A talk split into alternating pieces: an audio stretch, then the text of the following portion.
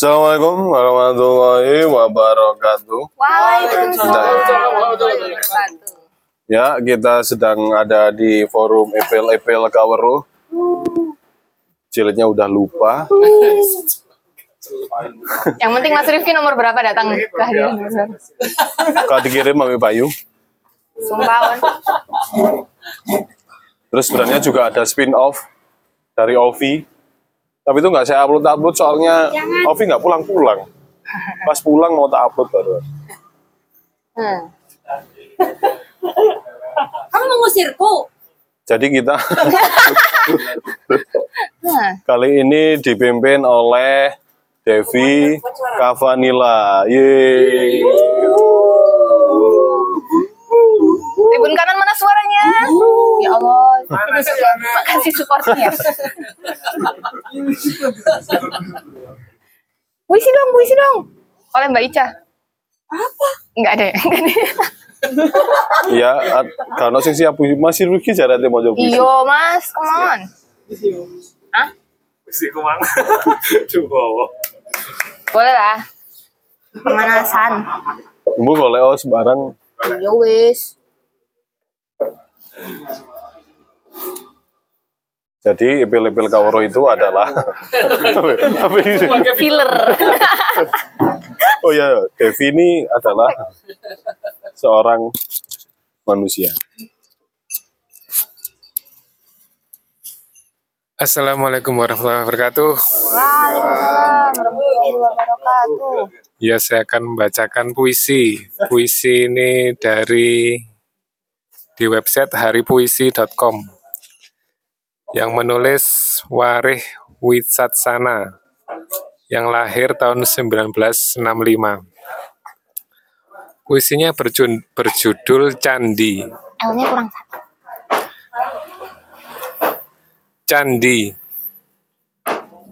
Bayangan candi, gugusan waktu lampau yang menggenangi dirimu. Terpaku di situ diriku, patung letih yang tidur dengan mata layu terbuka dan mulut pucat menganga. Terpahat dalam prasasti segalanya seolah abadi, di mana aku kelak akan lahir kembali bertahun tak henti mencari sumber air suci. Kini kendi itu berlumut di bahuku, merindu perigi, tempat dulu kakek membimbingku. Menyusuri tepi sungai meniti ngarai, menemui engkau, ibu terpuji segala padi. Berenang menyeberangi sungai tua ini, arus deras mana lagi yang menyeretku? Ayah tak pernah mengajari bagaimana menyelamatkan diri dari banjir bandang, dari puting beliung, suratan langit yang tak tertolak ini. Demikian rahasia itu tersembunyi di dalam kendi, terpahat lumut di kaki candi, agar kisah ini ditulis dan dibaca lagi. Terima kasih. Yo.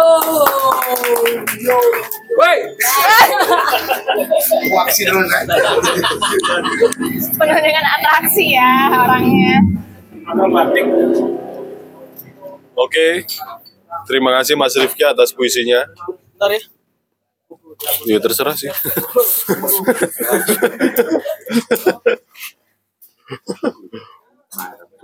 Jadi hari ini diisi oleh Devi yang ya silahkanlah Dev. Saya persilahkan tuh Devi. Nah, sambil kita nunggu Lutfi. Coba kita nunggu ya. Candi, candi apa? Borobudur. eh, nggak seru ini untuk pendengar. Kamu tidak Candi Morse. Permen-permen pepaya Lucu. Oh iya betul. Itu pertanyaannya. Oh iya lagi. Ya udah direbut deh. Pertanyaan-pertanyaan Aing. Nah, teman-teman, Candi Morse. Aing Candi candi apa yang nggak pernah dilakukan oleh Ovi? Candi tahu kan? bener ya, bener ya. Candi candi apa yang paling serius di dunia? Candi Kiawan. Hah? Boleh. Tapi jawabannya adalah benar.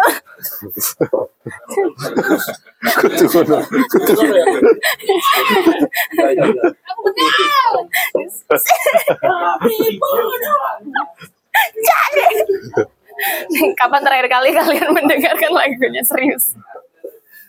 Tahu serius benar. Kayaknya Candil udah. Sambil nunggu Lutfi mungkin ada penampilan musik dari atas. Jangan atas. Ini dong lagu bosan. Bosan. Candil banget tuh. Aduh, yaudah deh, lama banget ya. Terus, menurut kalian, kalian yakin mau dipimpin Aing? Nih. Mana semangatmu? Itu aku. Hei! Wah, iya. Apa sih? Saudara-saudaraku, I love you. Jangan jangan deg-degan. Dak-dakan aja itu buat tempur ya. Atau deg-degan. Teman-teman, Ya, Kayaknya menutupi ke kecemasannya, kemerungsungan. ah, ibu nangis. Aduh, boleh nggak Aing pipis? Nah, teman-teman. Teman-teman sebelum dimulai, boleh nggak kita Al-Fatihah dulu untuk temanku namanya Pak Tito Renarto hari Siapa? ini. Namanya Pak Tito Renarto. Hal- Beliau adalah landscape arsitek dan beliau wafat pagi ini.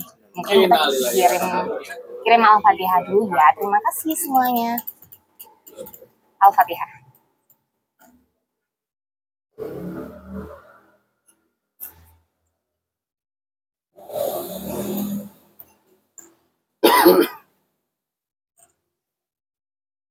Amin.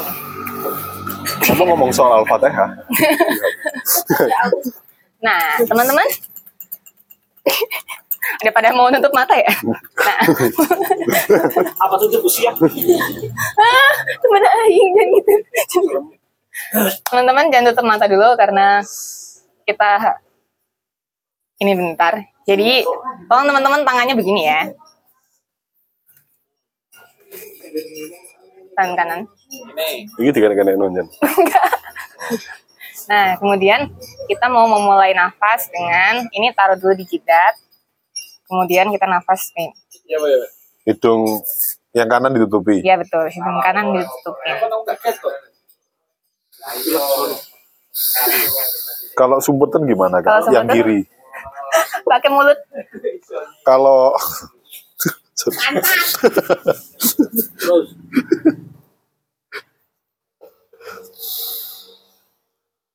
Oh lupa. Jadi tarik tarik nafas lewat yang lubang yang kiri, kemudian kita keluarkan lewat yang kanan. Jadi kayak gitu.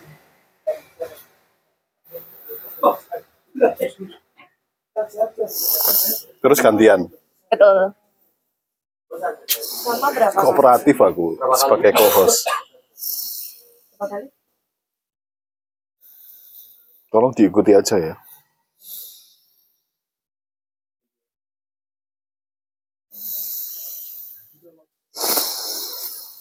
Ya.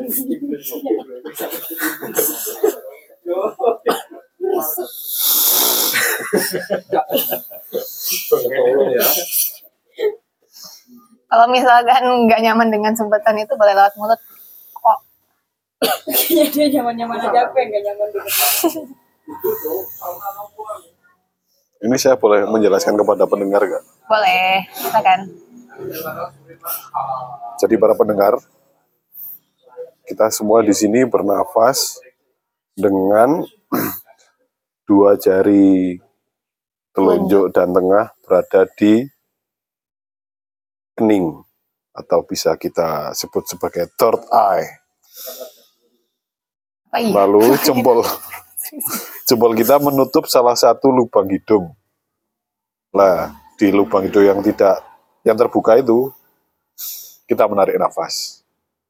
Keluarnya, kita melepas tutupan itu dan menutup lubang hidung satunya, dikeluarkan lewat sana, lalu ditarik lewat sana juga, dikeluarkan lewat satunya, secara itu bergantian terus.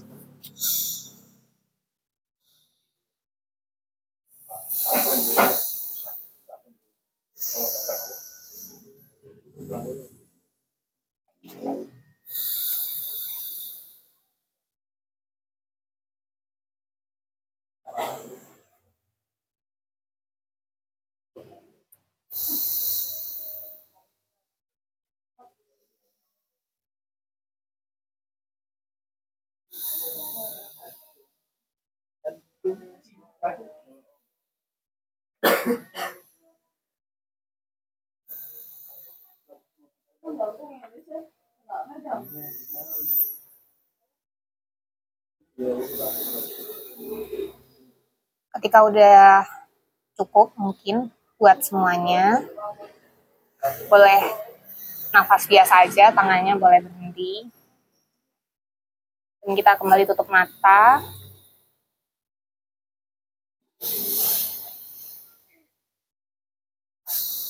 Dan mencari posisi duduk yang paling nyaman sambil mempertahankan nafas yang tadi udah kita mulai.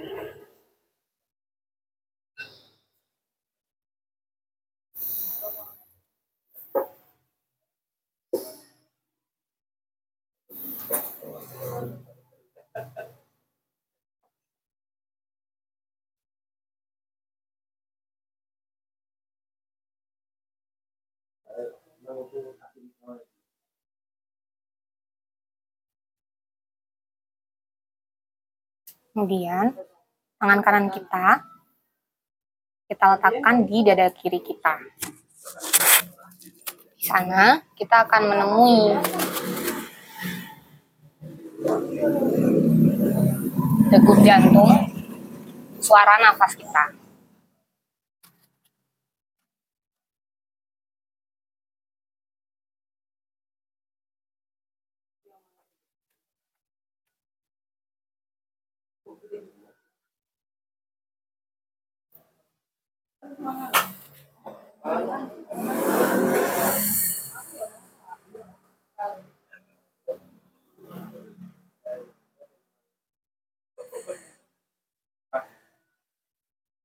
Apa gitu?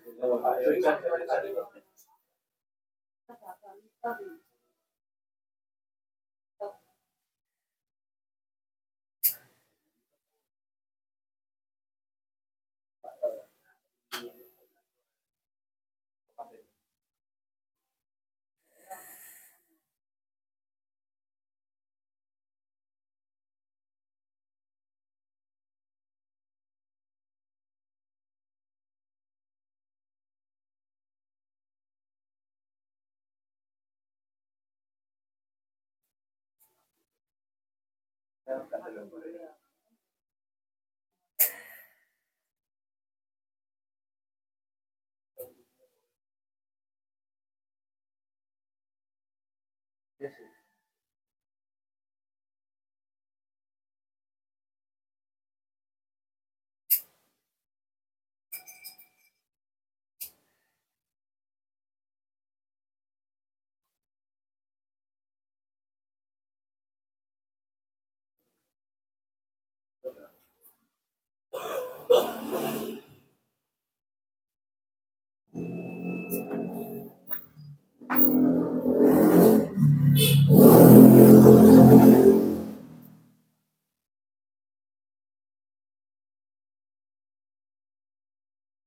Tangan kanan kita. Kemudian kita pindahkan ke perut.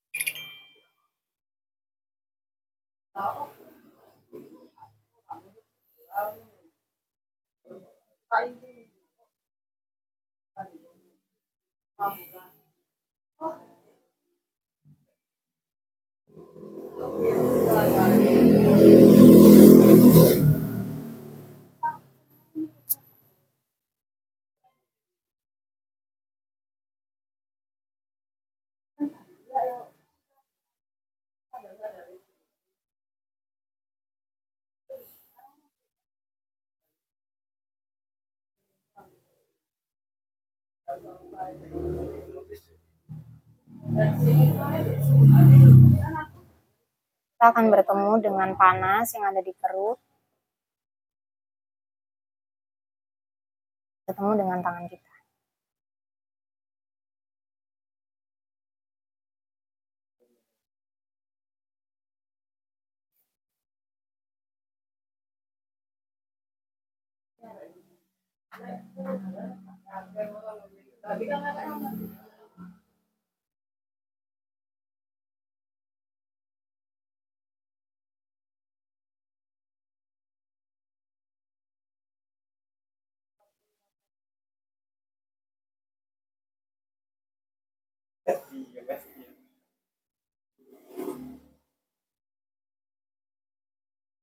Kemudian kita letakkan tangan kita, kita istirahatkan.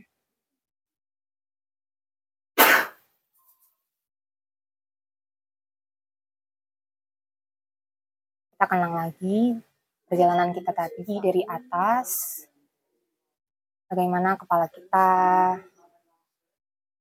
kemudian pertemuan antara kepala dengan leher, kemudian pertemuan leher dengan tulang belikat kita, tulang belikat dengan pundak kita,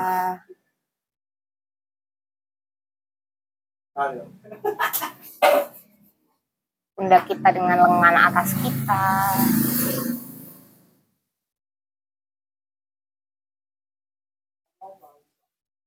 yang beratnya bisa kita rasakan di siku.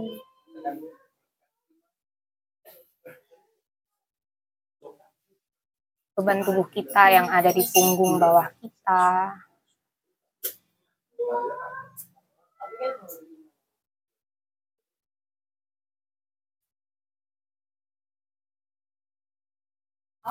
Beban yang dirasakan, yang ditumpu oleh tulang ekor kita, di pangkal paha kita,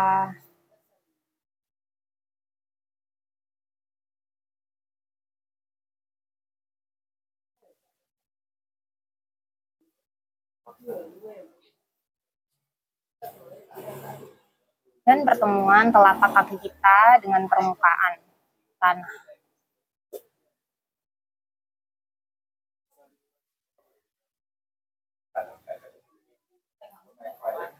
Rasakan bagaimana tubuh kita bertemu dengan tanah.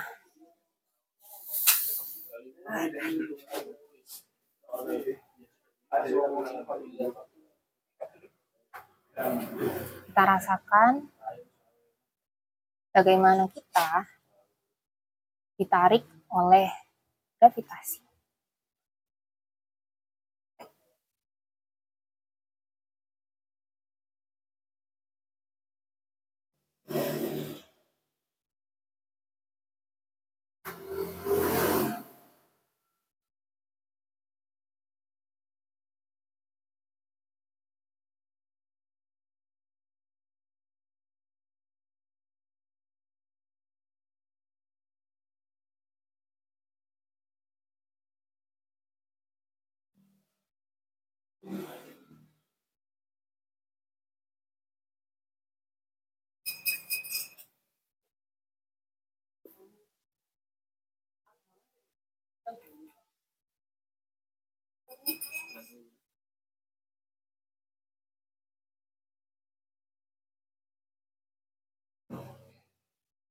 Kemudian dengan badan yang kita punya ini, ketika sudah siap,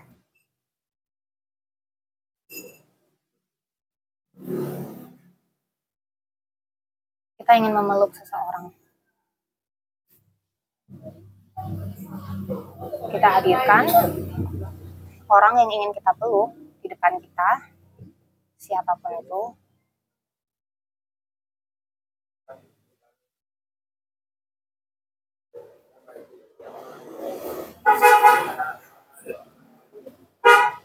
kemudian kita peluk.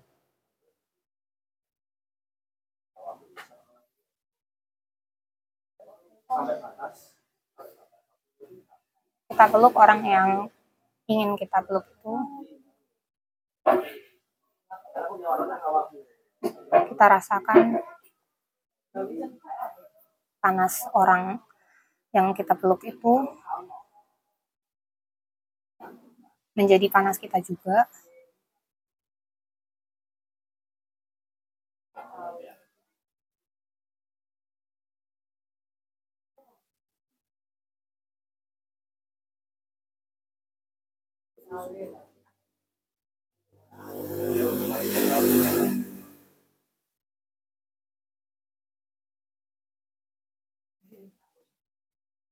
Kita peluk di tangan kita ada kain baju orang yang kita peluk itu. Ketika kita menarik nafas,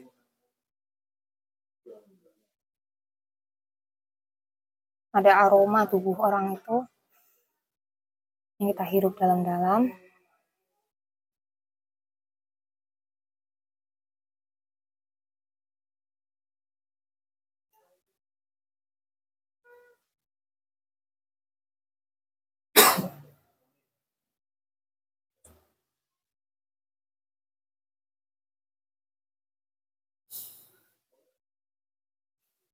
Peluk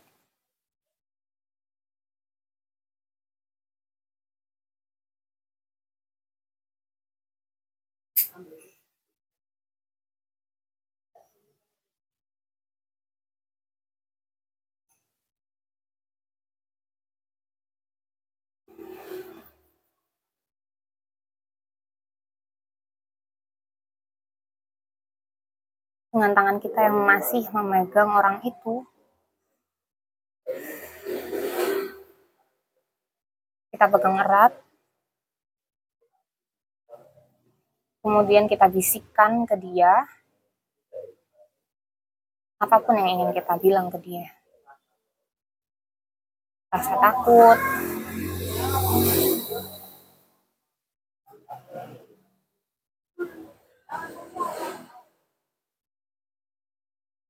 ketakutan kita saat ini,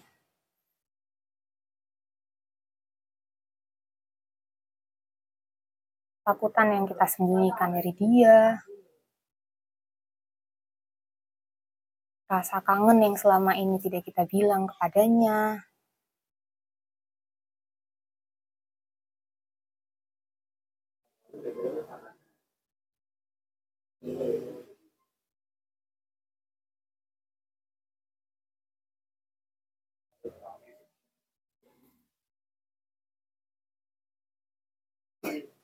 rasa sayang yang selama ini dia belum tahu, atau mungkin sudah tahu tapi kita pengen bilang lagi.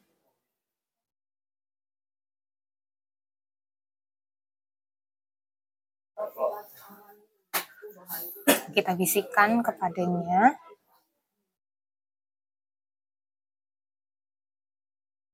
Sampai ini hanya kita dan orang itu yang tahu.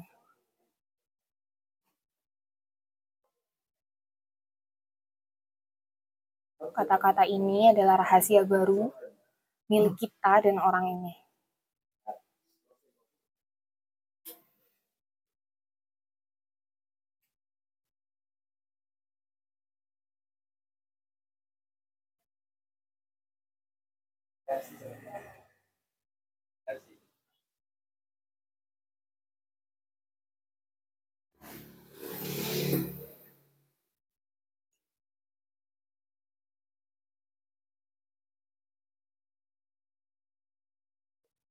Kemudian sudah saatnya kita melepaskan pelukan ini.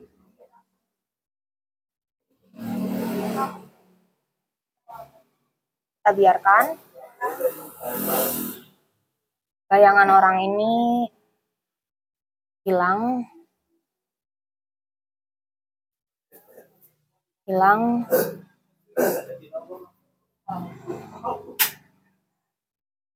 sampai yang tersisa cuma diri kita sendiri.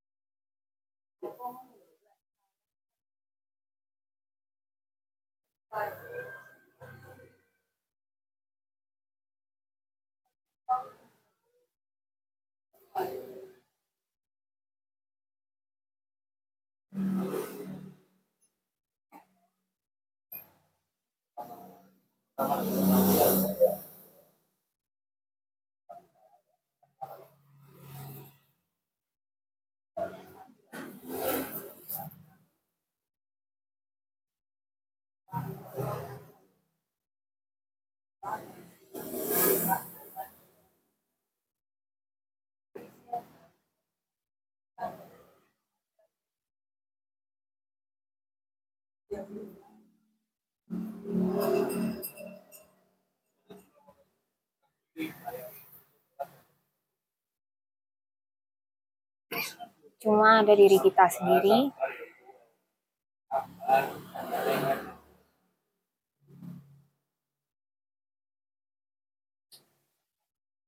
Cuma ada diri kita sendiri.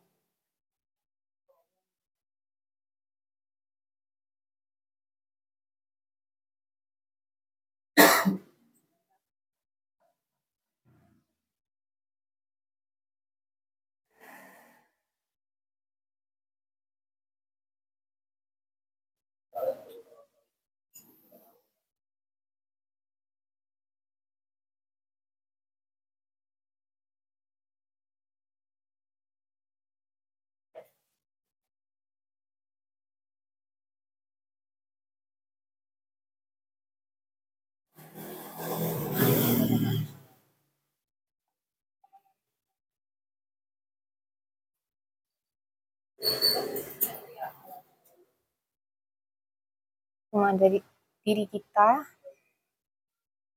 dan tubuh kita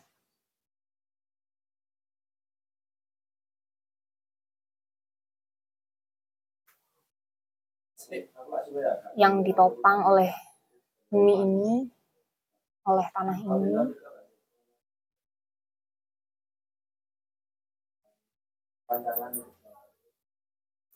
Setelah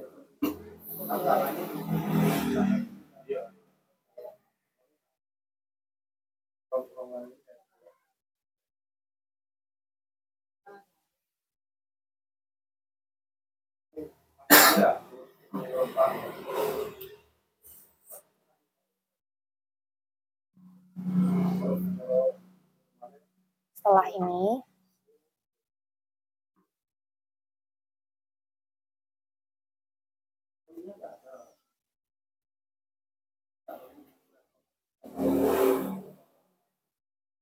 kita akan membuka mata dan melihat semua warna yang ada di depan mata kita. Ada hembusan nafas yang ketiga.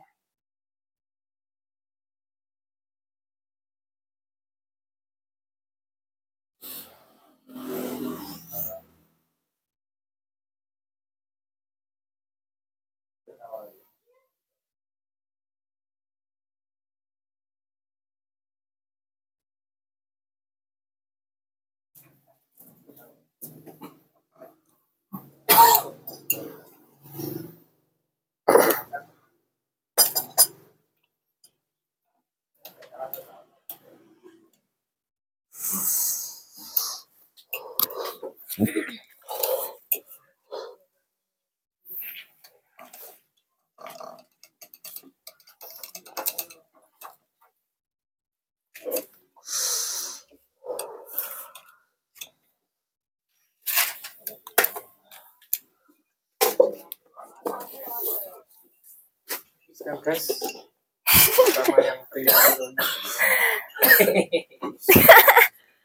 Karena pria punya selera. seperti ular Karena Kasih tahu Mas Rizky.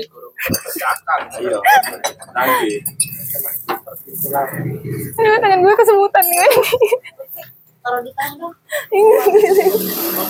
Ini minum. Gue kok pucet tuh no. Itu nih, eh tahu men. Kumaha sih? Lah omong ya apa? Pas nganu. Tuh, iya. Pas menang. Mana aku tahu. Oh, gimana sih? Biasa saja. Tangannya pucet. udah.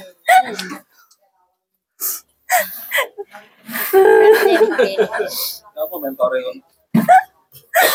Biasanya ngono. Mentornya itu yang paling. Teman kemarin nih yang paling. Hmm, Coba deh. Mungkin tas dulu, tas dulu. Aduh, mati di gue, mati di gue. Ternyata meditasi ini mengakibatkan keting, guys.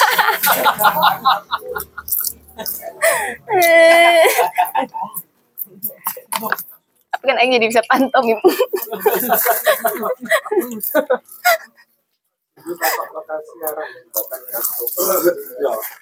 Hah, dekat banget. Cedeke cangkir biyen. Urine, urine patung singo. Ini apa nih? Soto ya. Cedeke honje. Iya, Aing tahu.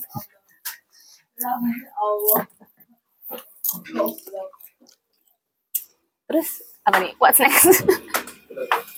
Lagom. Lagum di Nukung. Oh ya sobat-sobat, kita lagi ada di mana? Mengheningkan Dibeling. Kita lagi ada di mana? Iki bejana. Tapi kok tandanya di lagi Nah, Mbak Dira kalau boleh tahu bejana ini ada di mana ya? di Jalan Lembang. Gue lebih semangat. Mana semangatmu? Eh, semangatku. Ya bisa aku begini lur. Kamu masih mau nerima aku jadi temanmu kalau aku lemes. Karena aku tanya. Nah, itu bisa kita diskusikan. Oh iya, nanti ya. Iya. Wes, wes tak jawab kan, Dek. Lembang 10A. Buat lo, lo pada yang kehabisan opsi ngopi, enggak deh. Jangan tunggu sampai kehabisan opsi, kita langsung aja ke sini ya. Bejana, Bejana Tani House di Jalan Lembang nomor 10A. Hahaha. Dira, Dira, kita mau nanya dong, kenapa kenapa kita harus datang ke Bejana Tiny House? Soalnya Boleh dipegang. Agak panjang. lalap jawaban. Kok. Itu ya. Oh. Ya soalnya anu. Ya wis gitulah. Soalnya soalnya ada tulisan ini menarik di sini. Ya itu anu gini. Tidak semua orang punya rumah, tapi semua orang berhak merasa pulang. Iku sih yang paling menarik dari bejana lainnya itu enggak. Pulangnya ke Rahmatullah ye. Eh, betul. betul. Ya tulisan itu cuma ada di bejana, guys. Tadi kuis tadi apa tulisannya lu? Ini guys, Oke, terima kasih. ada lagi yang mau ditanyakan? Oke, itu sih ya. Jadi itu ya kenapa kita harus ke Bejana terutama buat yang nyari rumah. Karena bencana adalah tempat pulang. Cakep. Tempat orang bisa Merasa pulang. ya bisa merasa berhak pulang. Merasa berhak. Merasa. Berhaknya kudu merasa sih. buat kalian-kalian yang masih cari hak untuk merasa pulang. Terus. Nggak habis-habis ya. Jadi kita mau ngapain sih nih, An? Mau membahas lagom. Lagom. Lagom. Teman-teman pasti udah denger dong lagom. Yang belum tahu itu lalit. Sorry ya ngatain gak ada maksud. Aing pegang cue card dulu nih. ada rundownnya nih. Aing sebagai Vincent. Nah, teman-teman jadi lagom itu apa sih? Mungkin yang udah pernah dengar. Mas Rifki silakan lagom itu apa sih?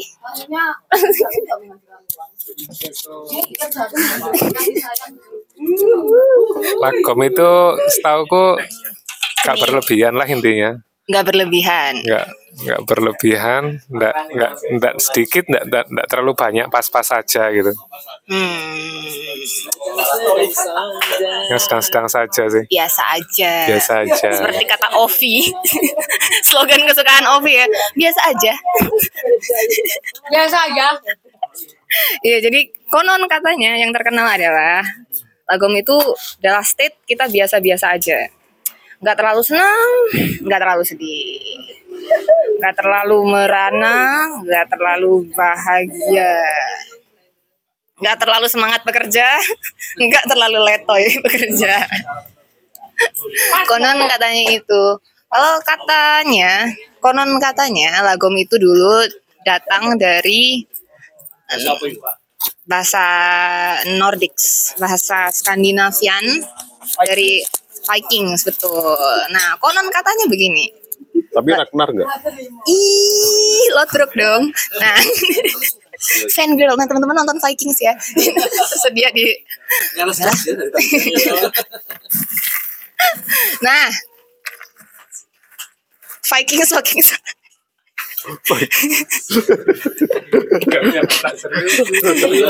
Masih nungguin ya, nungguin ya. Konon katanya lagom itu tuh asal muasalnya begini. Jadi kan kalau kalian dengar kata Vikings itu kan para barbarians ya. Orang-orang yang kurang lebih setelahnya seperti Mas Otus. Kemudian dipasangin jenggot tebel, jambangnya itu panjang sampai ke bawah kuping, nyambung ke jenggotnya. Kemudian tuh kuping eh, apa tuh hidungnya kalau bisa ada tindih ya. Tapi di budaya Vikings menerima pernikahan nggak? Menerima. Oh, enggak. apa iya? Oh, enggak ya, enggak tahu ah, ini lebih tepatnya. Nah, kemudian oh, gitu. Oh, baru paham. Sorry. Nah, kemudian masih masih dengan imaji Mas Otus ya. Pokoknya oh ya buat yang belum pernah lihat Mas Otus mungkin wujudnya seperti preman. Nah. Ada deh. Mau tahu dengerin dong. nah, ya orang berjenggot itu pokoknya tampangnya sangar banget, kemudian pakai helm bertanduk, terus berotot, terus siap ngantemi kalian kapan saja di mana aja dan mereka bergerombol. Jadi mereka nggak cuma sendirian, mereka itu bergerombol. Jadi bayangkan gerombolan para barbar ini bersatu nongkrong di sebuah tempat minum-minum. Nah, setelah mereka habis setelah mereka habis merampok dan menjarah eh, menjarah tanah baru. Jadi mereka dari apa dari mana tuh? Dari negaranya lah ya. Terus mereka kayak menemukan tanah Inggris Utara gitu. Terus mereka ayo kita jajan. Mereka menjarah gereja-gereja. Kemudian habis itu mereka dengan barbarnya mereka minum-minum. Nah, tapi minum-minumnya itu hanya dari satu gelas, satu corong. Nah, Lagomnya di dia. Oh iya iya iya. 20 menit kemudian. Aing juga masih nyari nih. Aing cuma Terus, Nah, terus dari satu corong ini mereka minum bergantian. Di sinilah lagom itu. Bagaimana? bagaimana minuman itu bisa diminum oleh semua kelom- komplotan ini, semua anggota tongkrongan barbar ini gitu. Berarti Mm-mm. berarti deskripsi tentang Viking tadi cuma buat menghina Mas Otus saja. Untuk mengengage. Orang lebih biasa dengan negatif, lebih engage ya. nah, itu lah lagom itu. Bagaimana minuman itu bisa diminum oleh masing-masing itu dengan mereka minumnya itu ya biasa-biasa aja, nggak minum yang kalap gitu. Karena kalau satu kalap yang lainnya eh gitu, lainnya nggak kebagian. Ya. Itulah lagom itu. Pertanyaannya, ini kuis ya, kuis, kuis, kuis.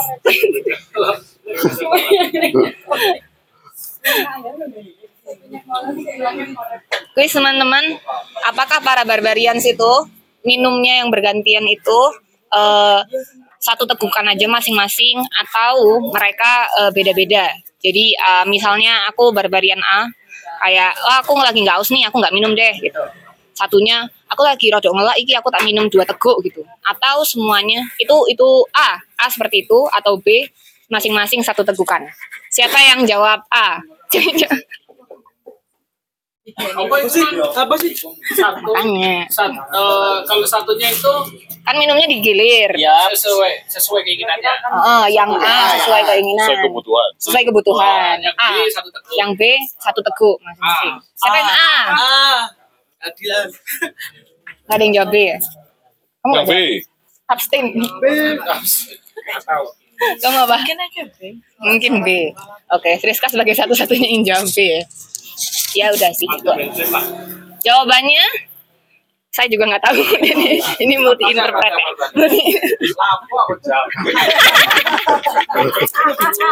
Yes. Ya, bagian sih bisa ngelit kita ya. Kalian sudah tertipu.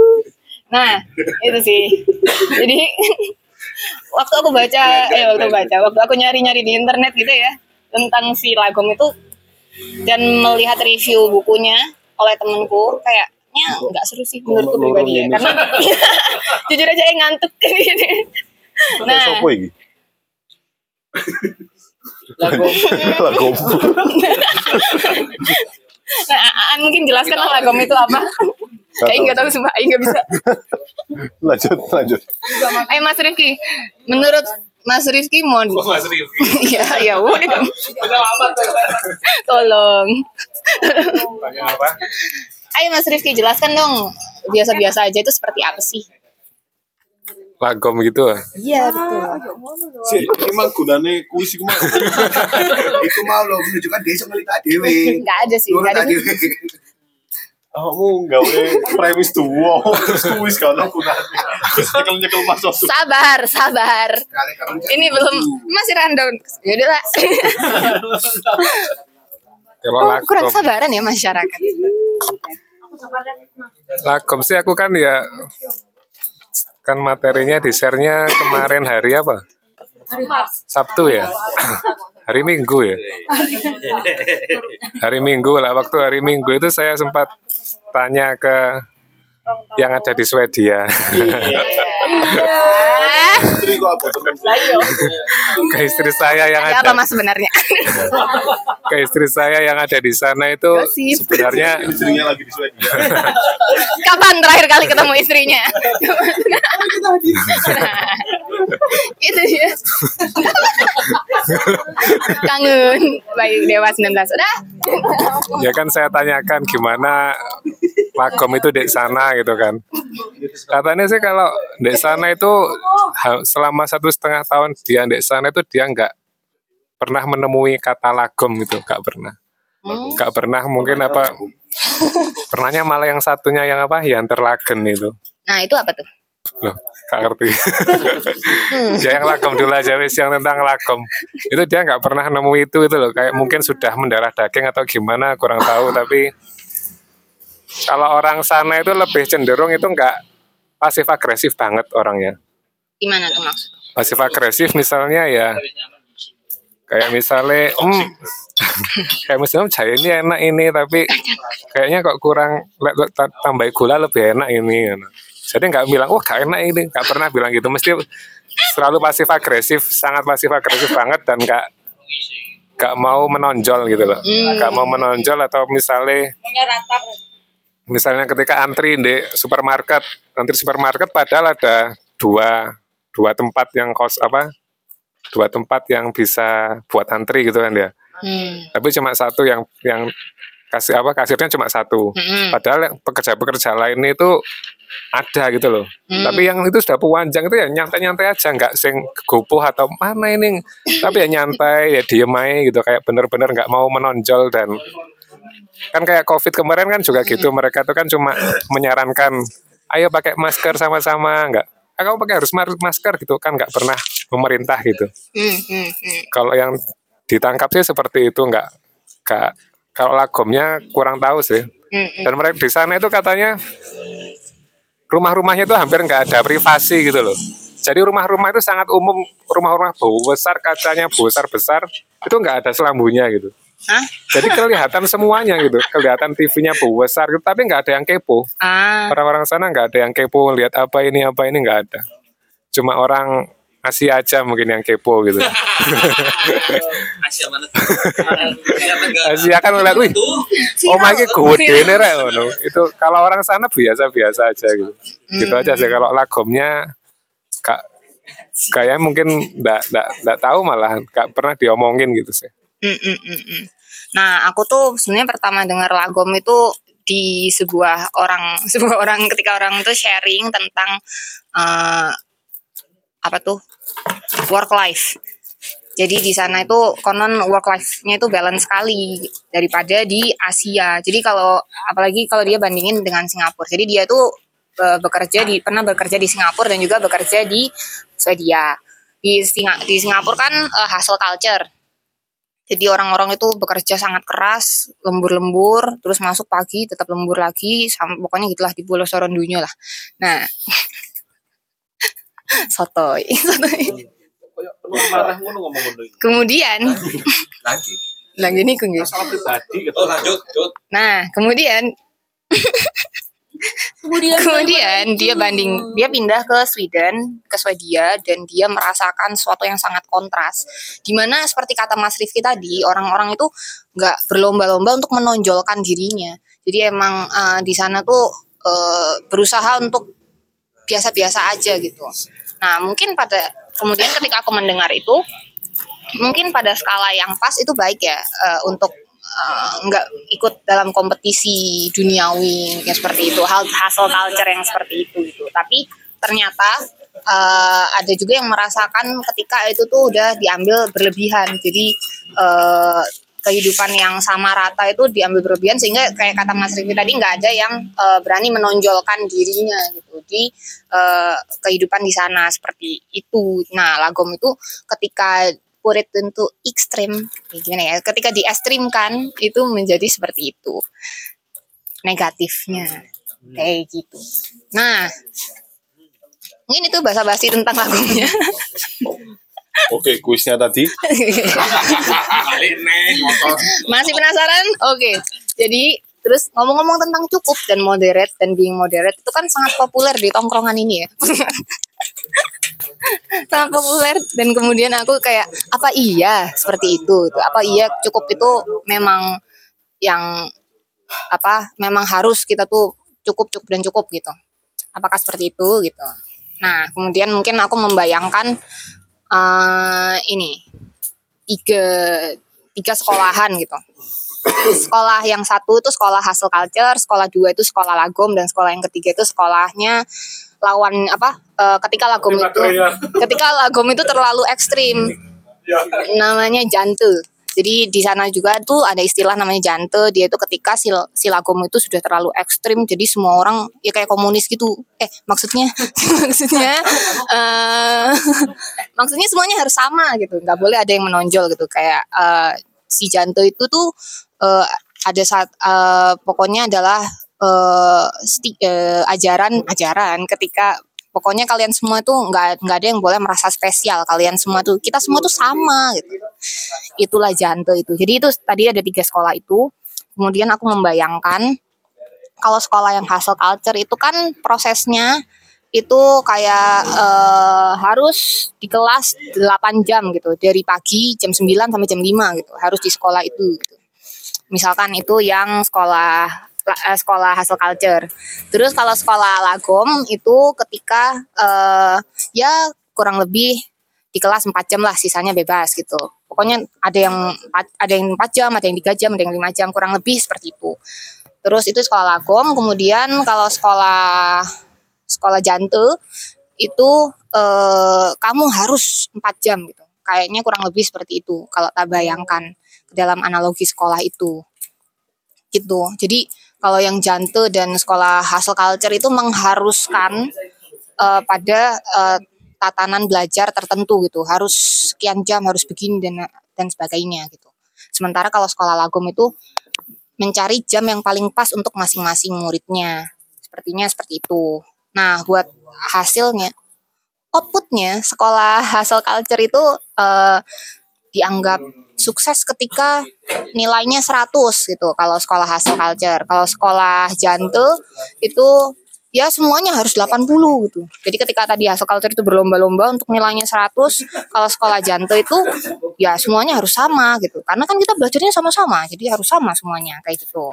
Kalau sekolah sekolah jante itu seperti itu. Kalau sekolahnya lagom dia itu eh ya ada yang 40, ada yang nilainya 60, ada yang nilainya 80, ada yang 100. Tapi eh, gimana yang nilai 40 itu memposisikan pada memposisikan dirinya pada orang-orang yang mendapatkan nilai 80 kayak gitu. Gimana orang yang demikian juga dengan orang-orang yang dapat nilai 100 bagaimana dia memposisikan kepada siswa yang mendapatkan nilai 40 kayak gitu. Jadi aku me- mungkin lebih setuju dengan pengertian lagom yang eh, seperti itu. Jadi nggak benar-benar rata sama eh, tidak menonjolnya seperti itu. Oh, ini hubungan kuis tadi ya. Betul. Makasih udah nungguin. Makasih. nah, itu. Jadi apa? eh, bagaimana semua itu bisa tepat pas pada eh, perannya masing-masing kayak gitu sih. Pertanyaan mungkin bukan kuis, bukan kuis. pendapat pendapat bergilir, jajak pendapat ya. Jajak pendapatnya adalah menurut yang ada di sini gimana cara menemukan posisi kita terhadap apa yang kita punya terhadap apa aja lah pokoknya gimana cara memposisikan diri sih gitu menurut kalian silakan jawab Mm-mm. kayak misalkan tadi aku kita siswa siswa di sekolah lagum ya kita kan siswa nih di sekolah lagum kita dapat ada yang dapat 40, ada yang dapat 60, ada yang dapat 80 dan ada yang dapat 100. Terserah posisikan dirimu di mana. Nah, bagaimana memposisikan kita sebagai siswa itu terhadap eh, apa yang kita punya itu. Terhadap misalkan terserah misalnya aku memposisikan diriku anak yang dapat nilai 60 gitu. Nah, gimana kita memposisikan terhadap itu? Dalam itu tadi hanya pengumpamaan ya. Ini udah dilempar konteksnya pada hidup kita. Memposisikan diri kita pada hidup kita. Agar Kita dapat nilai berapa? Bukan agar ya boleh lah. agar apa aja terserah deh. Aku mendadak ngelutsi. Apaan tuh? mendadak tolol. Astagfirullah. Tadi ini mau cukup iki mau. Kakak wis ini mau cukup San. Paham Bu? Ya segitulah mas. Gimana memposisikan diri kita terhadap sekitar kita gitu. Silakan. Silakan Mas Sigit. Duh, kok ya maksudnya oke yang, yang paham dulu nanti saya contoh yang paham. Eh, Maksudnya ya, itu Mas. tak? Ya wes. Kerja dong, kerja dong. Bisa dimasukin dulu. Selamatkan kita, selamatkan pengetahuan kita. Maksudnya itu kita kalau dapat nilai 40 misalnya, Mm-mm, tapi ada yang dapat 80. mm-mm. Gimana kita bisa dengan 40 itu biasa-biasa aja? Saya sih biasa dapat 40 sih dulu. Oh, biasa. Atau Biasa aja. komposisian itu kan perlu ada agar apa? Ya. Nah, itu Kasus posnya gimana? Kasus pos, kasus posisi. Oh, gitu Kita, ya. kita ketika ngapain gitu loh. Sumpah kurang Si tahu. paling si paling singkat. Kalau kita refleksikan, refleksikan ke dalam kehidupan kita. kaspos sepa. Kasposnya seperti apa? Jadbek, jadbek. Jadi begini. Jadi, kasus pos. Jadi begini. Cabut. Jadbek.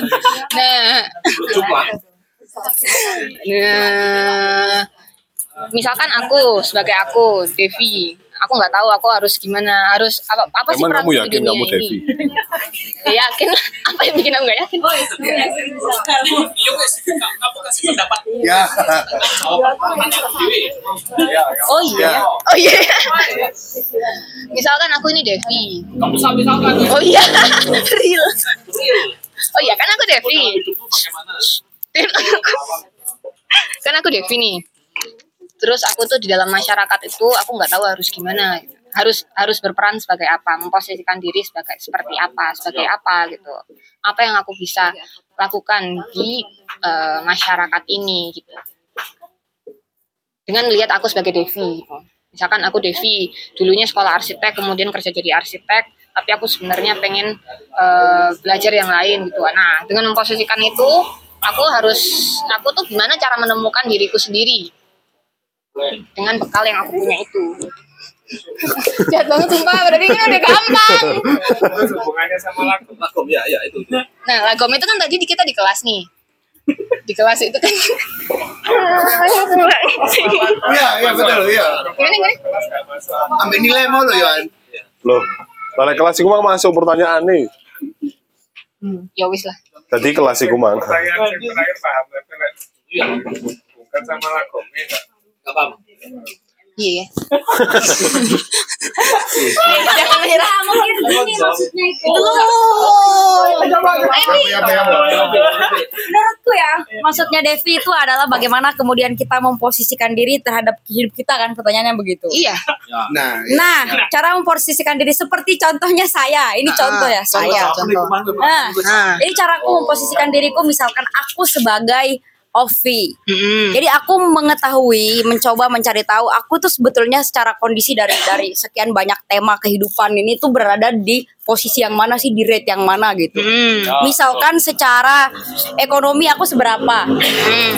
Terus kemudian secara pendidikan, misalkan aku termasuk orang yang biasa saja, pintar atau goblok atau bagaimana gitu. Sehingga, sehingga itu kemudian aku cari tahu, aku membaca diriku sendiri di mana letak letakku eh, sebagai aku itu gitu. Sehingga kalau misalkan secara ekonomi aku masih di bawah standar, aku tidak akan berusaha semati-matian untuk kemudian hidup sebagaimana yang tidak aku mampu eh, Dapati. dapati itu kayak misalkan aku nggak punya duit nih tapi aku pengen Iya, Le. Berarti ada self assessment juga gitu tak Mas? Oh, Oke. Kayak tadi kan kita di kelas Aha. dapat nilai 40. Ya, Oke. mungkin kita harus dapat ah, mungkin kita nggak harus dapat 100 gitu. Ya ya ya ya. Atau ya, mungkin ya, ya. kita memang harus dapat 100 gitu dengan apa yang kita punya. ya Itu begitu maksudnya. maksudnya aku pengen liburan ke luar negeri tapi karena aku nggak punya duit ya Mm-mm. ya masa ya aku harus ngerampok dulu gitu kan ngerampok bank atau aku harus jadi penipu dan yang Kalau kamu lain-lain boleh, gitu. kalau aku mungkin nggak boleh. Sehingga perlu kemudian ada yang namanya kayak mungkin kita membaca diri sendiri kali seberapa batas kemampuan kita sehingga hal tersebut selalu berangkat atas dasar oh kebutuhanku seberapa sih? Apa sih yang sebetulnya aku butuhkan yang paling dekat ini gitu yang pokok-pokok. kamu itu anak perjuangan. Salah pergerakan. Ketoro baru sekarang aku baru paham. begitu maksudnya jadi kalau menurutku. Lakomnya ya di situ menjadi biasa-biasa aja akhirnya. Lakom dinukum waliadin. Jadi begitu. Untuk biasa.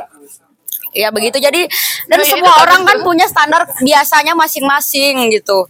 Mungkin menurut orang lain kalau misalkan aku nih yang secara kapasitas perutku itu kecil, jadi aku akan makan sesuai dengan kebutuhanku. Yang itu menurutku biasa porsinya. kalau misalkan Aan yang secara kadar kerakusannya gitu. Kemudian Nafsunya. nafsunya.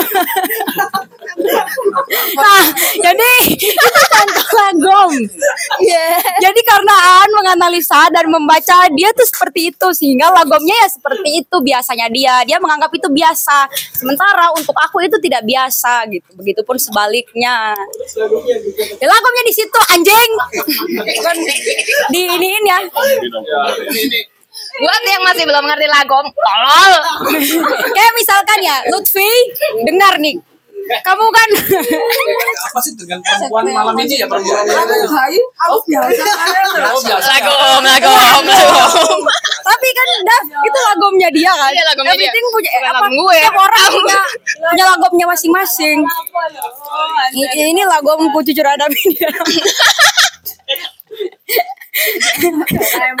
Makasih Ovi, I love you so ya oke thank you thank you kembali Iya, tadi udah. udah lagom udah udah Muhammad. Kan kamu udah tahu Iya. pertanyaan jawab.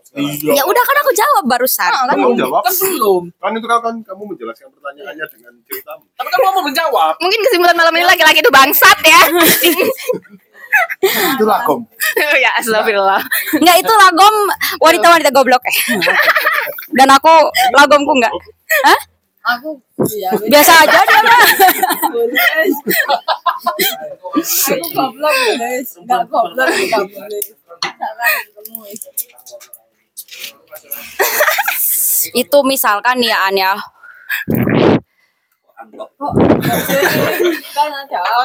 Aku. Absen ya. Misalkan ya An ya. Misalkan ya Lutfi ya. Oh, jawab. Mas Rifki, Mas Sigit, aku, Mas Bernard, Mas Otus, terus Mbak Ica, Mbak Dira, Devi, dan Mas yang Adam. keempat yang ada di sana aku tidak tahu namanya gitu ya. Adam Idris Nuhud Soleh. Adam, Idris, Nuhud sama Soleh. Oh iya, itu ada empat ya yang di sana itu. Eh itu satu. Siti Aisyah. Mungkin daripada lagom hari ini lebih ke. Tolong.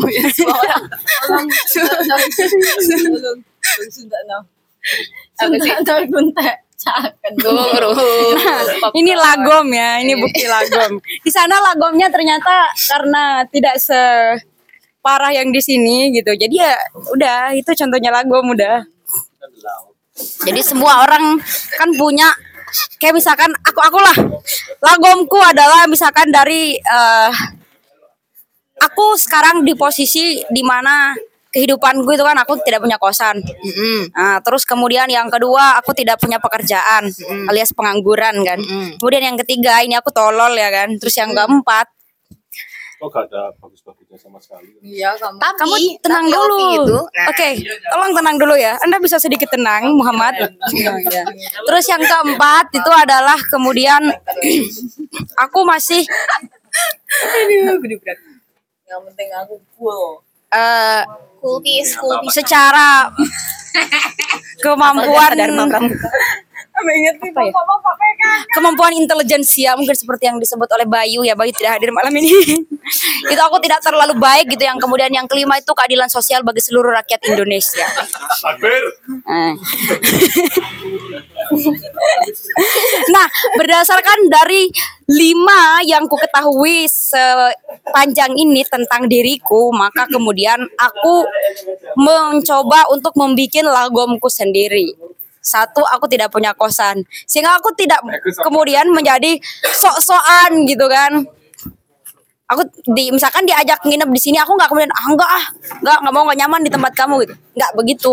Karena aku sadar sendiri bahwa oh di posisi ini aku harus bagaimana caranya ini kebutuhanku adalah untuk tempat tinggal sehingga di mana pun ya it's okay gitu. Jadi nggak nolak-nolak atau nggak kemudian nggak nyaman di situ nggak enak di situ dan yang lain-lain. Kemudian yang kedua, aku kan pengangguran kan. Sebagai seorang pengangguran yang baik dan benar, tidak mungkin kemudian aku menginginkan hid apa ya pola hidupku ini adalah pola hidup yang sebagai orang yang tidak pengangguran gitu. Misalnya aku pengen beli sesuatu yang wow gitu kan, pengen punya rumah, pengen beli rumah misalkan atau pengen beli harga diri orang gitu itu kan nggak mungkin kan. Karena satu aku adalah pengangguran yang baik dan benar. Sehingga yang aku lakukan pertama adalah apa yang paling dekat yang kubutuhkan. Misalkan aku butuh makan gitu. Jadi bagaimana menyambung hidup. Jadi itulah yang aku prioritaskan pertama. Nah itulah lagomku. Tapi meditasimu memeluk harimau. ah. Memeluk diriku tapi wajahku tuh harimau. Nah itu. Udah itu aja kayaknya. Masa aku jelaskan sampai keadilan sosial bagi seluruh rakyat Indonesia. Jadi seperti itu ya kira-kira.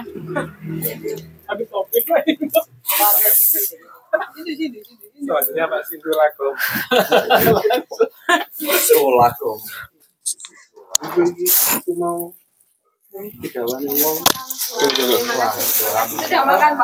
Oke, jadi ini ada Pak Sindu yang hadir ya. Pak Sindu alias Sokrates di tongkrongan kita gitu. Jadi beliau baru tiba sekarang. Dan wow, ada Rizky yang nomplok. Nah ini lagom gue nih. Jadi aku mesti pakai lagom. Aku sih kabar di Silano Lagom. Memang cukup kok. Mungkin secara kalau bahasa ininya ya An gimana An? Apa? Tidak berlebihan, yang sedang-sedang saja. Itu disebut apa dalam tafsir Al-Misbah? Gak tahu, belum sama sana saya. Hmm, Sampai Bisa nggak ini agak kondusif sedikit gitu?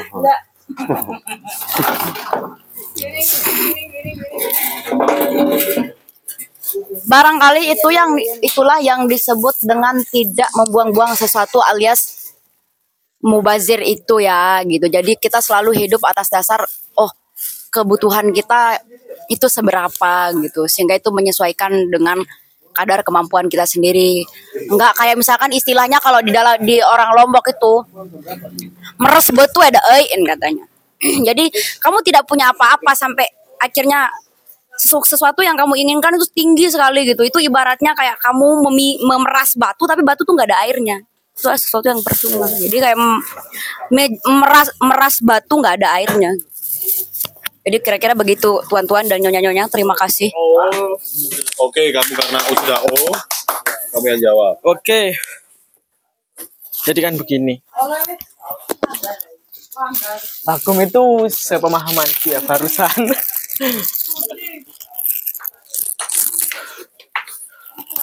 ya apa ya menerima tentang keadaanku tanpa apa ya? Apa menginginkan eh, hal yang tidak bisa aku jangkau. Itu kata orang Madura ada juga peribahasanya. Ada tiga yaitu jelenah jelenin atau kalau jalannya ya udah jalani. Terus kenengah kenengin itu artinya kalau udah tempatnya tempatin. Terus lakonah lakonin itu kalau udah eh pekerjaannya? Ya udah kerjain. Nggak nggak perlu ke mana-mana di situ. Diulangi bisa diulangi Hah? apa jadi? Jelenah, jeleni. jelenah jalanin lakonah lakoni lakoni kenengah kenengin kenengah kenengin Nah, itu lakom. itu lakom. Nah, jadi begitu. Jadi seperti diriku yang begini ini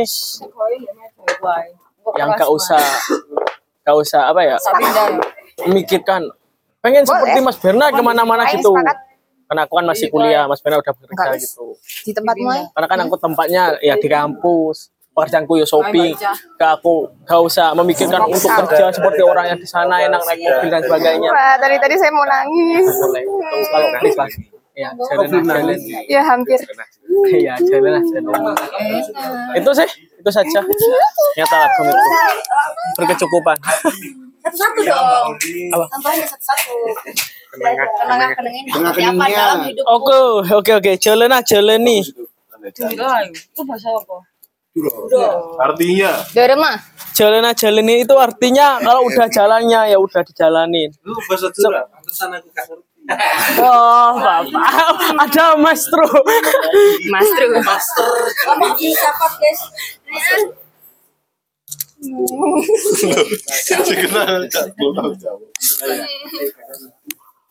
ah ini adalah bagian dari lagu juga Kalau kalau aku menempuh apa ya untuk kuliah ya udah kuliah, gak usah memikirkan aku berhenti kuliah dan sebagainya. Kalau lakonah lakoni itu kan kalau udah kerjaan ya udah kerjain gitu. Gak gak gak harus menolak itu. Karena itu gak bagus kata orang Madura. Terus Itu kalau pekerjaan apa? Shopee Tapi kan kamu menolak itu sekarang. enggak Oh, iya. kan memutuskan untuk libur karena ini kan udah jalanku kan kalau tempatku apa tempatku di bangku ini ya udah tempatin nggak usah memikirkan tempat kursi seperti apa Mas Bernard itu berarti saya ada apa ya Iya. Mas Bernard. karena Mas Bernard di sini paling menonjol oke oke. Ya udah. Itu sih. Itu lagu Terus ketiganya tadi ada nggak? Lakona, lakoni, lakon lakon ini kenengah Jelena, jeleni. jelenin jalan jalan nih kenengah kenengi ya, Bu? ya tempat kalau udah tempatnya udah tempati gak usah mikirin tempat yang lain ya. Itu apa ya berkesinambungan satu kesatuan yang gak bisa dipisahkan bagus mantap mantap itu mantap sih. Lah menurut Lutfi, ah. kan tadi ada jelenah jeleni, apa yang sudah jalanmu jalani. iya Kamu kok tahu kalau itu jalanmu? karena Allah subhanahu wa taala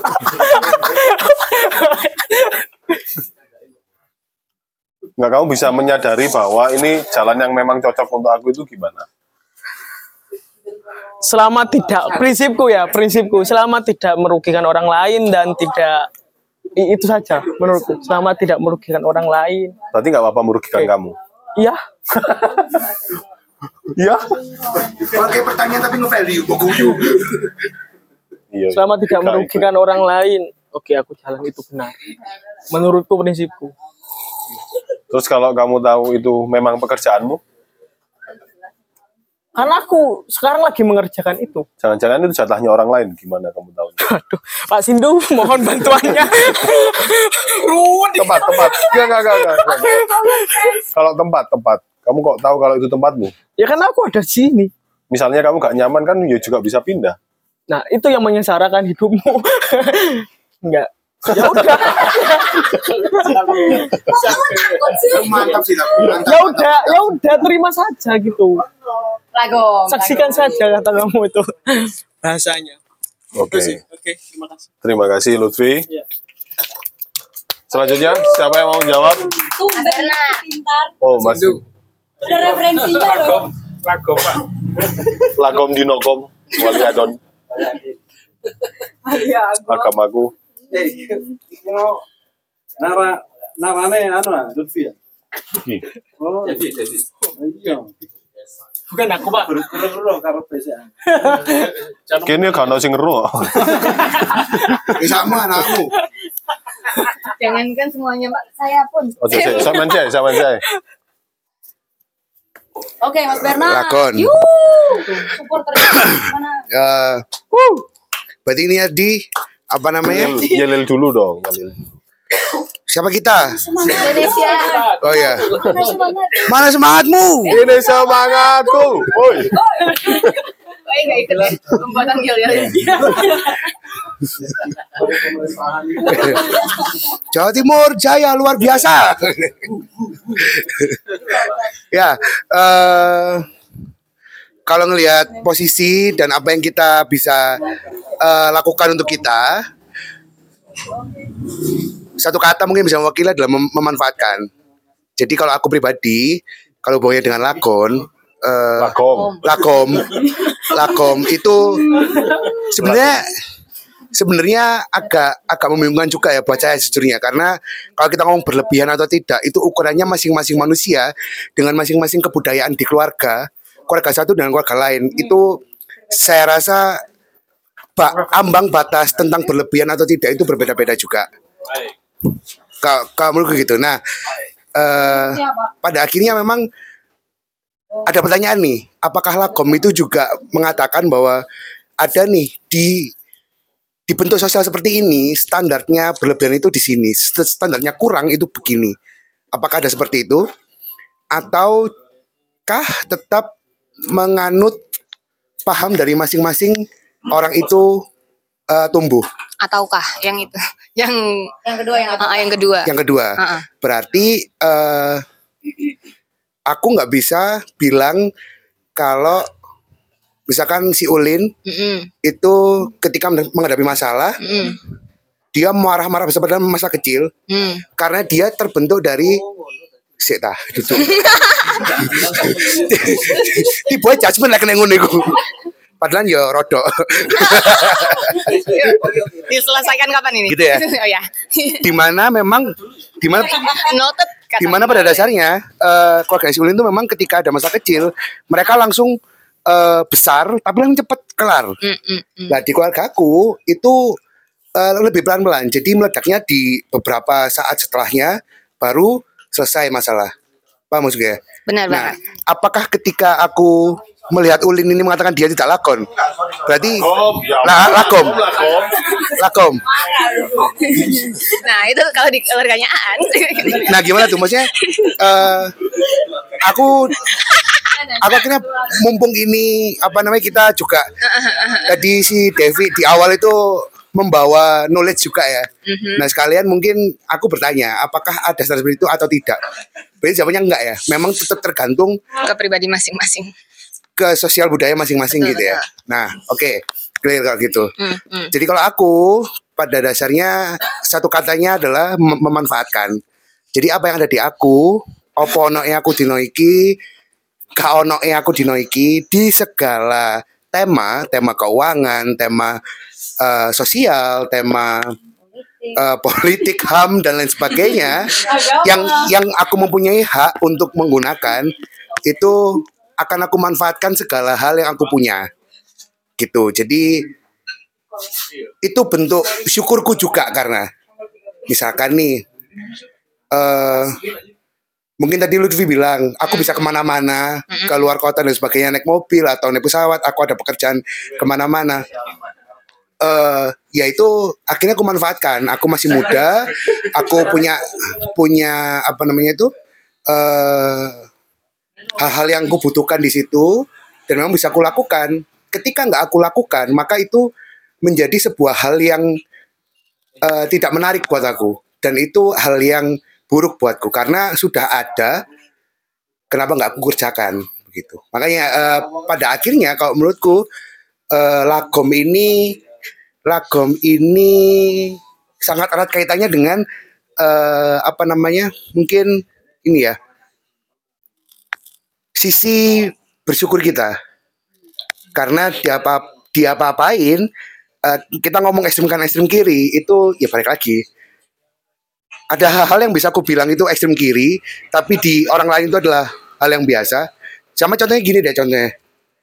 Aku orang yang secara medis itu dianggap normal. Ketika aku berada di lingkungan orang-orang gila secara medis, aku jadi yang gila Hmm. bagi mereka karena mereka semua gila gitu misalkan secara medis. Secara medis aku normal. Kalau berhadapan dengan Lutfi, Kalau kalau berhadapan dengan Lutfi, aku merasakan aku menjadi orang yang sama dengan Lutfi. gitu. Nah itu jadi eh, apa namanya itu? Mungkin pada akhirnya untuk mencapai lakom itu aku aku ini ya apa namanya itu me- mengartikannya ini tolong di, dibantu untuk membenarkan atau menyalahkan ya.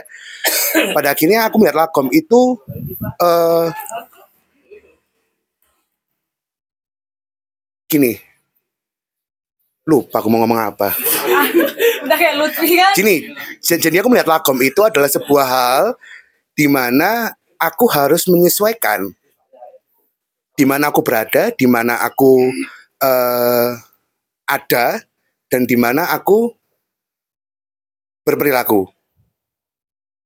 Jadinya setiap saat aku harus menyesuaikan, penyesuaian bahwa di lingkungan ini eh, nilainya seberapa sih untuk berlebihan, nilainya seberapa untuk kekurangan, kayak gitu ya. Itu sih, jadinya eh, pola kita untuk untuk memahami diri dan melakukan sesuatu yang pas itu sih akhirnya. Jadi kan ya tadi balik lagi nggak bisa aku bilang kalau aku di sini kurang nih aku aku nggak mampu ini. Nggak asik juga. Padahal ketika di lingkungan sosial aku juga juga harus memberikan sesuatu urun. Entah itu tenaga entah itu uh, isi pikiran entah itu apa pun yang bisa aku punya. Kan gitu. Sepakat. di, di lain kesempatan juga gitu. Eh, aku nggak tahu juga berlebihan itu seberapa. Nah makanya setiap setiap saat aku mesti mengukur itu sehingga kita bisa eh, pas itu tadi gitu sih Sepakat. terima kasih Oke, thank you. Lagu. terima kasih. Enggak. Enggak aku. Ya wis. Oh iya. Oh iya, iya. Sepakat sih sama yang dibilang Mas Bernard. Aku sama Mas kasih. kok. dan Ovi, dan Lutfi, dan lain-lain. Lu harimau. Lu harimau. Buat yang tadi udah berpelukan sama harimau. Aing takut, aing takut jujur. nah, ya, ya eh, keywordnya dari Mas Darren tadi kan memanfaatkan ya, memanfaatkan mas, apa yang dipunyai masing-masing itu eh, sepakat sih aku jadi menemukan keyword juga dari lagom itu yang mungkin relatable buat kita itu. Kalau cukup itu aku mungkin bingung tapi kalau bisa dibilang tepat gitu ya. Mungkin fit bahasanya tuh tepat dengan apa yang aku punya. Misalkan misalkan kayak yang sekarang ini gitu aku mana bisa gitu ya. Si bisa aing teh ya memimpin gitu. Sesuatu memulai sesuatu gitu. Nah ya tapi kayak dalam lingkungan ini bagaimana memposisikan yang paling pas untuk aku bisa memulai sesuatu mungkin kayak gitu sih jadi tepat bagaimana eh, cara yang paling tepat buat kita gitu sih. Tapi yang nggak disediakan di Lagom itu adalah eh, gimana caranya kita itu bisa sensitif terhadap oh ini kita udah terlalu ini nih gitu atau kita kurang nih di sini. Mungkin itu sih yang aku juga nggak nggak ngerti gitu sih. Pertanyaan buat siapa aja yang mau jawab. gitu deh. Oke lanjut aja. Mungkin Mbak Cindy. anu aja nanti lima saya Kelima. Paling noming ini. oh gitu ya enggak enggak mas enggak mas sorry tadi Rono ya tadi uh Lakom memang. Selagomi. selagome Usia-usia 20-an. iya ya sama mas 30 tahun yang lalu. aduh tak tutupin dulu Assalamualaikum warahmatullahi wabarakatuh. Ya, eh, saya nyoba menanggapi perlagoman ini. ya, saya tadi ketika yang dideskripsikan de- teman-teman tadi, saya jadi teringat. Sabar kan saya di jalan nih, terus pernah ketemu bak truk dan tulisannya masih saya ingat sampai sekarang. Jadi tulisannya seperti ini. Ku tunggu jandamu. itu salah satunya itu ya Gunung Jandamu. Tapi tapi ini ya saya ingat akeh durung mesti cukup titik durung mesti kurang. Jadi eh, kalau di Jerman kan eh kok Jerman kan di anu kan saya eh, penga- artinya adalah banyak belum tentu itu cukup dan sedikit belum tentu itu eh, kekurangan. Nah, itu menurut saya adalah eh, salah satu salah satu bentuk kelagoman yang yang lumrah dan umum dan sudah di apa namanya eh, sudah sering dilakukan eh, mungkin sama semua teman-teman tanpa disadari atau mungkin juga juga disadari karena menurut saya itu adalah eh, ya respon aja kita terhadap apa yang kita terima. Karena kalau kalau saya eh, saya hubungkan ke pekerjaan saya waktu itu itu kan apa pun yang saya hasilkan itu dikit banyak itu harus ada penyikapan bahwa ini memang ya yang terbaik untuk untuk kita mas- untuk kita sendiri untuk saya sendiri karena tidak tidak semua itu harus sesuai dengan takaran.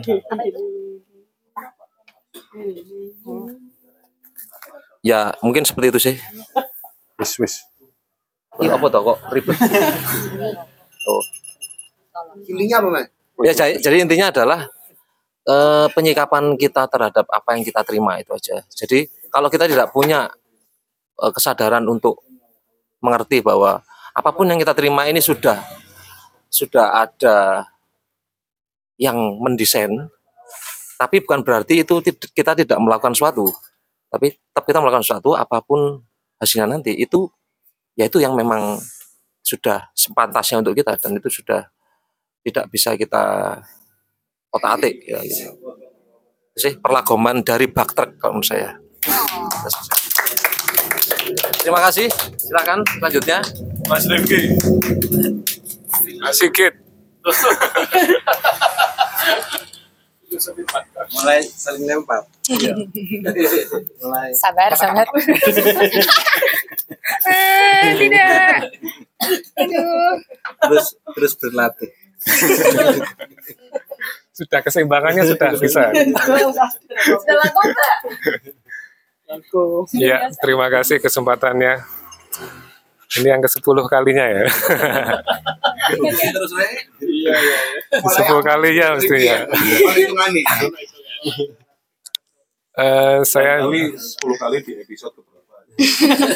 di episode ke-670 mesti nih kalau yang Bayu di-upload kemarin. Pak Sindu maksudnya. Iya, bahas lakom. Lakom kan tadi kalau nggak salah artinya kan sedang-sedang saja gitu ya, nggak berlebihan dan nggak kekurangan.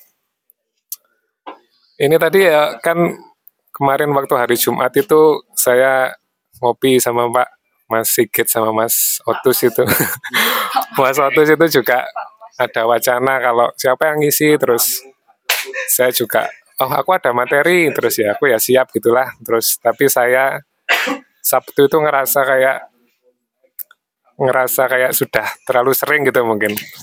Kayak Merasa kita semua sudah muak. ya kayak kerasa saya sendiri Mungkin sudah kamu. muak gitu loh dengan dengan saya. Jadi kayak muak gitu loh. Jadi ya sudah cukup itulah. Ya itu mungkin ada hubungannya dengan lakum juga mungkin. Kan Betul, sudah betul. kayak kerasa gitu loh. Iya. wah kayak ini sudah berlebihan saya ini kayak tampilnya. Jadi kayak itu mungkin kayak yang dibahas di beling yang sana dulu itu ya Mhm. istilahnya Mas Sigit bahasa tubuh Hmm.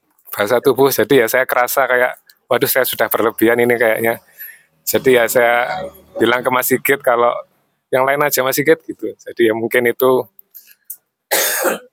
bisa kerasa gitu loh kalau sudah berlebihan kalau kalau hal-hal tertentu itu sudah bisa kerasa kapan lagomnya gitu mungkin itu kalau misalnya tentang hal yang seperti itu tapi juga ada yang berlebihan atau endaknya itu yang ngerasakan dari penelitian. Kayak misalnya tentang lari misalnya. Tiga jam ternyata sudah cukup gak perlu sampai maraton gitu. Itu lagomnya seperti seperti itu. Itu taunya dari mana? Dari dokter jantung. Dokter Hmm. jantung itu jadi melihat orang yang larinya berlebihan itu ternyata hati jantungnya keras misalnya. Kan itu kalau sudah berlebihan. Hatinya yang keras.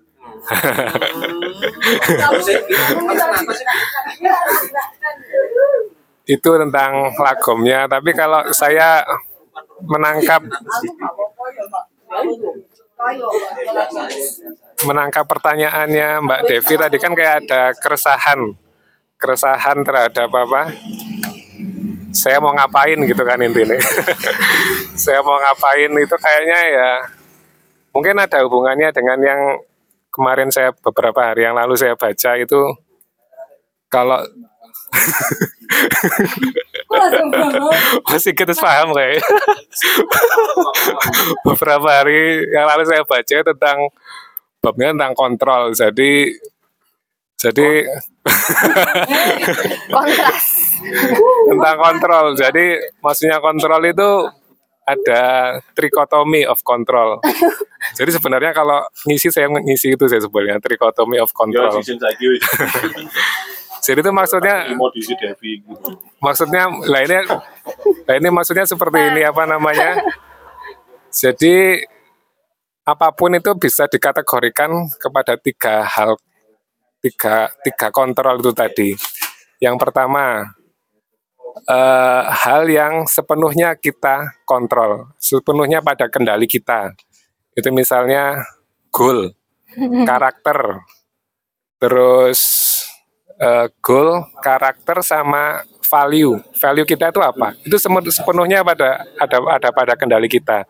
Kayak misalnya kita goalnya mau jadi arsitek, mau mau ke Swedia, kita value-nya kita menghargai kesetiakawanan, menghargai kejujuran. Itu sepenuhnya pada kendali kita.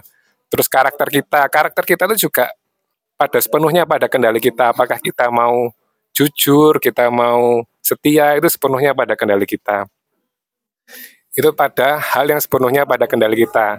Tapi ada juga yang hal yang sepenuhnya tidak ada pada kendali kita. Kayak misalnya matahari besok terbit apa enggak.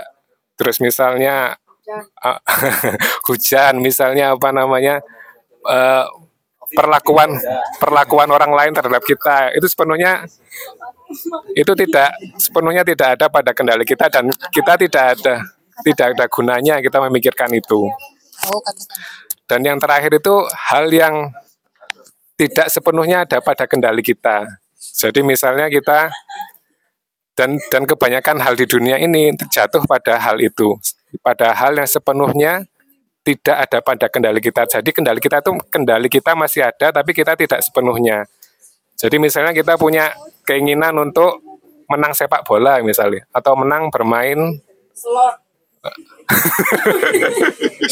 kendalinya, pada kendali algoritma.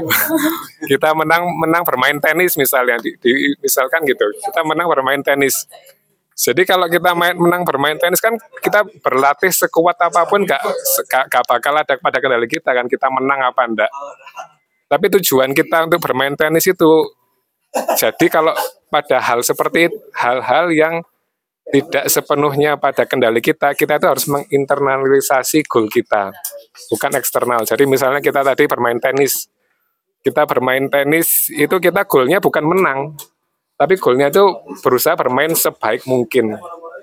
Kalau kita goalnya menang, kita sudah kerasa kalah itu langsung sudah down main kita sudah buruk. Tapi ketika goal kita main main sebagus kita, itu kita bagaimanapun ya ya sudah bakal kalau sudah merasa sudah melakukan yang terbaik gak masalah.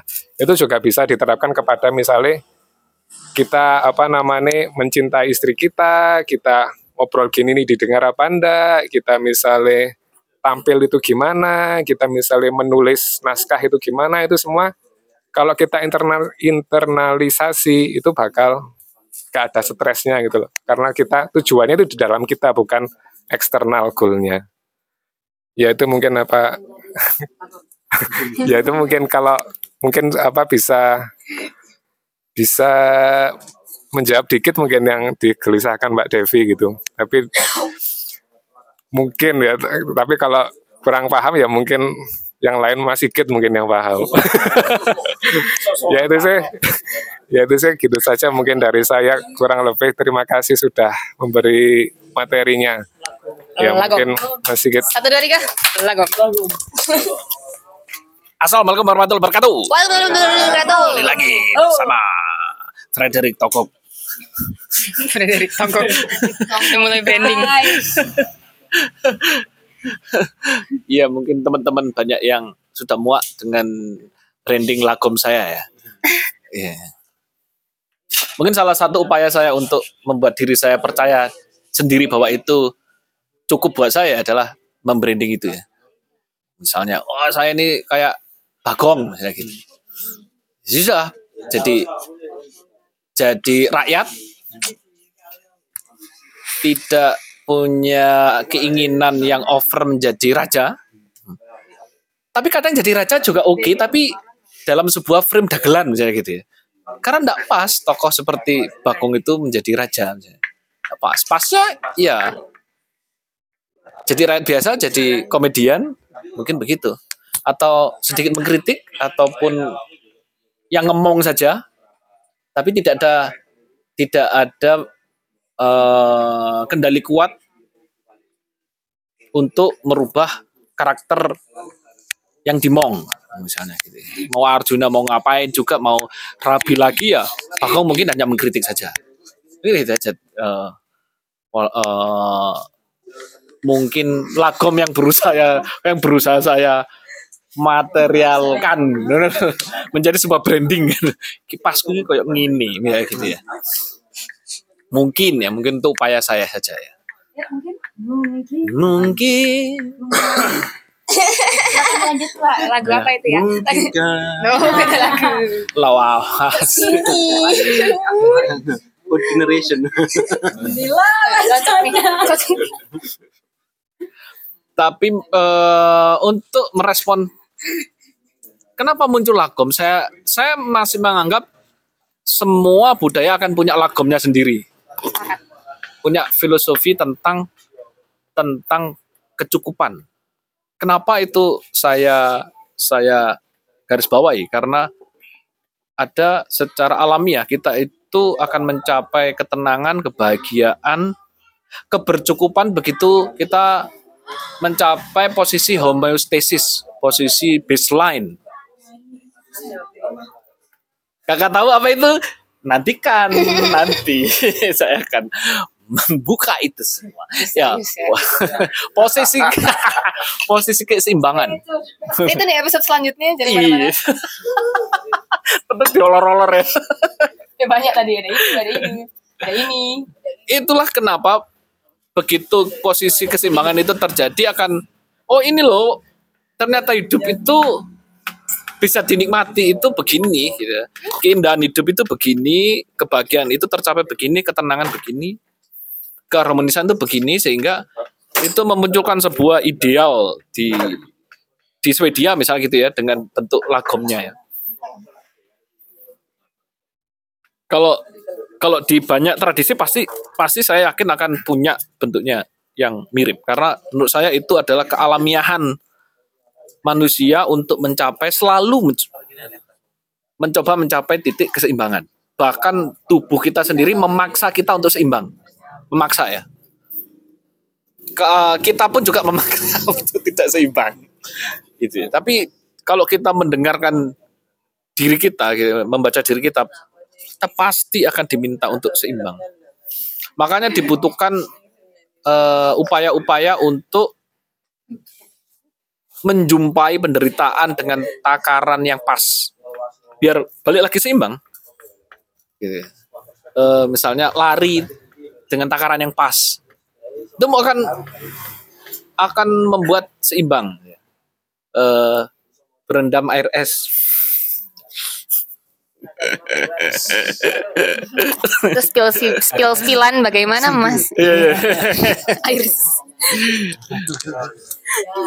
Buat yang belum bapak-bapak tunggu ya saatnya. Iya. Pasti ini semua akan lucu pada saatnya. Wis wis. wis. Nah, lagom itu, Pak. Itulah kenapa saya masih menganggap eh, memang secara alamiah lagom akan terbentuk sendiri. Tetapi yang jadi pertanyaan besar, apakah saya mampu untuk membaca sistem lagom saya gitu? Itu yang jadi pertanyaan besarnya gitu. Di mana sih titik seimbang saya nih? Ya. Gitu. Eh, apa sih yang menjadi sinyal-sinyal bahwa saya ini sudah di titik seimbang nih. Saya tidak tidak ngoyo, gak kepotokan, juga tidak rebahan, tidak leha-leha. Di di mana itu menurut saya wisdomnya ada di balik. Secara aktif kita itu selalu membaca posisi kese- kesetimbangan kita. Selalu ya. Selalu karena pasti berubah kan gitu. Baseline-nya itu eh, akan tetap sama, tetapi respon terhadap naik turunnya yang di kiri dan di kanan itu yang selalu dinamis. Jadi menurut menurut saya sangat penting topik malam ini dilontarkan sehingga nanti menjadi sebuah perenungan nih. Ada enggak sih mekanisme saya membaca diri saya sendiri sehingga saya tahu sistem lagom saya itu begini nih. gitu. Di titik mana misal seharian ya. Ini loh posisi lagom saya pada jam ini sampai jam ini misalnya. Nah, itu sewaktu apa kita mencapai itu? Kalau misalnya kita sadar bahwa saya itu mulai kerja jam 7. Terus nah ini agak mulai delahom, tidak ngelahom ya. Kalau salah. Iya kan. Oh, oh. tidak ngelahom. Iya kan gitu. Misalnya sudah mulai stressful gitu ya. Sudah mulai menderita ya berarti kan tidak pada titik keseimbangan. Nah, itu eh pembacaan kita sedini mungkin menurut saya perlu di, di dilakukan ya, tidak sampai berlarut-larut gitu. bahkan sampai sampai dia berubah menjadi eh, mungkin penyakit batin yang lebih parah nantinya ya, yang mengerak gitu. Maka saya masih eh, sangat senang sekali ada topik malam ini tentang Oh. lahong. Terima kasih. Yang nentuin topik dat sendiri. Lo kan dari kamu barunya. ah, kawan lagi kan? Itu siapa? Lo enggak, saya, saya hanya muncul aja terus saya kok tertarik. Oh ini kok keren kayaknya. Ya ini aja. Ya peran vakum di situ mungkin. Saya berterima kok.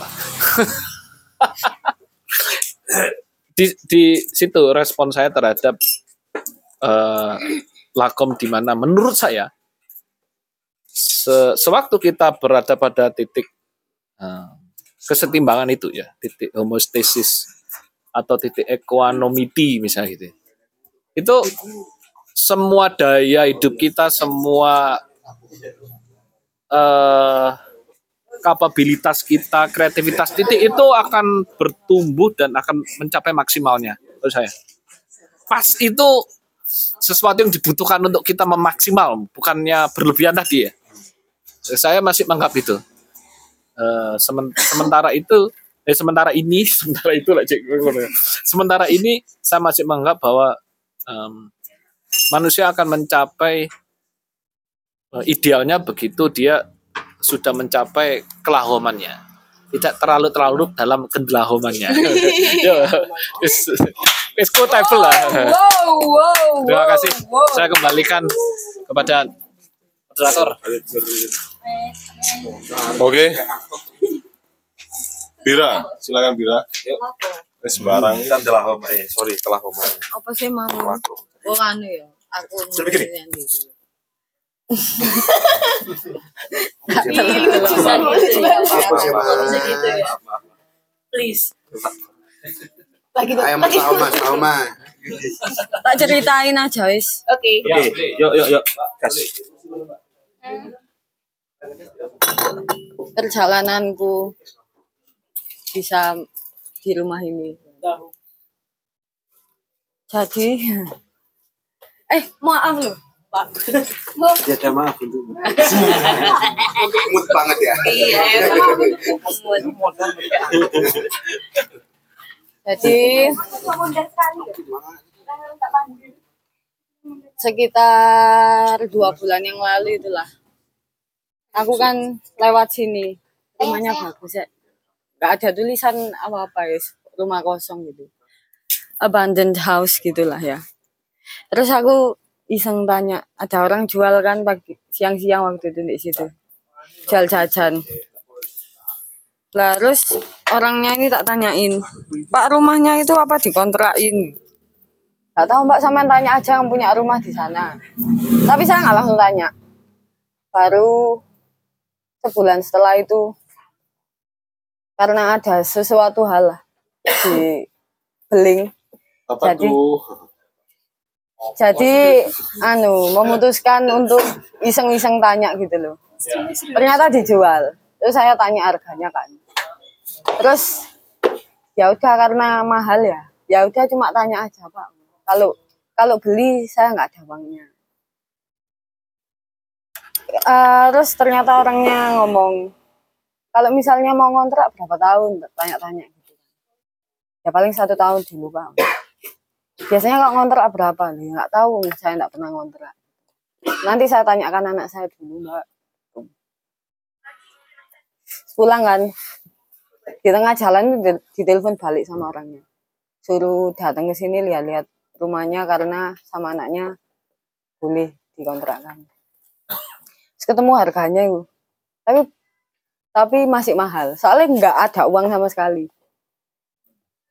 Ya wis lah. Terus singkat cerita ternyata dinego kan dinego bisa gitu loh. Tapi tetap nggak ada uang. Terus minta waktu seminggu buat pikir-pikir lagi. Ternyata bejana itu bangunannya laku. Dan uang itu nutup buat ngontrak ini dua tahun. Tapi kita milih ngontrak setahun. Dan itu laku mek dalam waktu tiga hari setelah tanya. Sini lah. Aku waktu itu ngomong ke Adam itu mek gini. Misalnya rumah itu emangnya jalannya kita, maksudnya emang jalan sing diberikan Tuhan untuk kita, ya pasti dimudahkan loh jalannya. Ya ternyata dimudahkan ya berarti anjane itu jalannya. Lakom nggak sih? Kagum banget, Kak. Sumpah. Gokil. Gokil kata orang. Gitu. Transcendent. Vakum. Terus cari harga yang dia ngomong itu, misal udah ketemu harga ya, seperti misal 20 ya. Terus tak nego jadi 17 setengah. Ya wes. Ternyata di kwitansinya waktu perjanjian perjanjian sewa itu diturunin lagi sama orangnya. Jadi ih ini ada apa? Maksudnya udah diberi kemudahan semakin mudah lagi. Ya wis lah. Jalannya seperti itu. Gitu. Jadi buat Mbak Dira ini berarti lagom itu ditemukan ketika dia ya udah ngikut aja sama jalannya gitu. Hmm. Ya dengan membawa kepercayaan bahwa ketika itu mudah bagi kita berarti itu untuk kita. Hmm. Ya begitu lah. Asiknya sih wakil tapi mbak. Asik. Gak mari soalnya. Penasaran kan? Penasaran kan? Rusak cerita. Iya, iya, iya, iya. Topiknya itu aja. Topik kontrakan. Mbak Ica, Mbak Ica. Aku belum sih. Aku sih. Aku nanti. Suwet, berantem, berantem. Nambah, nambah, nambah. Aku tertarik ambek sing diceritakan sama Mas Sigit tadi. Aku jadi keinget sama satu kalimat dari Carl Gustav Jung ya. Iku nama kelompokku pas ospek Bien. Jadi dia sempat ngomong bahwa eh, selama kita itu masih dalam pro- proses dan tidak segera menyadari apa yang jadi yang tidak disadari, itu bakal ngedrive kita, itu akan mendrive eh, diri kita untuk menjadi sesuatu yang tidak kita kehendaki dan pada akhirnya kita menyebutnya itu adalah nasib. Nah tadi kan masih kan bilangnya kan eh, kita akan mencapai dan menemui baseline kita masing-masing di waktunya gitu mas ya. Nah itu eh, apa namanya? Memang akan jauh lebih mudah ketika kita itu sudah menemukan baseline kita masing-masing sehingga kita bisa adjustable kayak ya, ya. adjustable di berbagai kondisi dan kita lebih mudah untuk menyesuaikan. Itu sih mungkin gitu.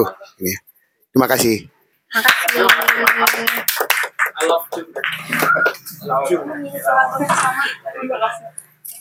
Mbak Ija, Mbak Ija. Oke, saya belum ternyata. Enggak Jadi- ternyata. Terus tunggu-tunggu kan dari tadi sebenarnya. Jadi kalau mungkin disederhanakan pertanyaannya itu bagaimana kamu memposisikan dirimu dengan melihat dirimu sendiri yang hidup secara sosial yang otomatis terpengaruh oleh lingkungan sosial. Itu sederhana dari mananya? Itu mas simple tapi pas. Tense.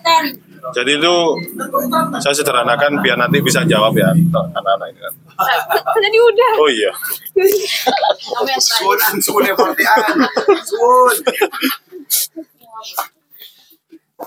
Ada orang teh nice try.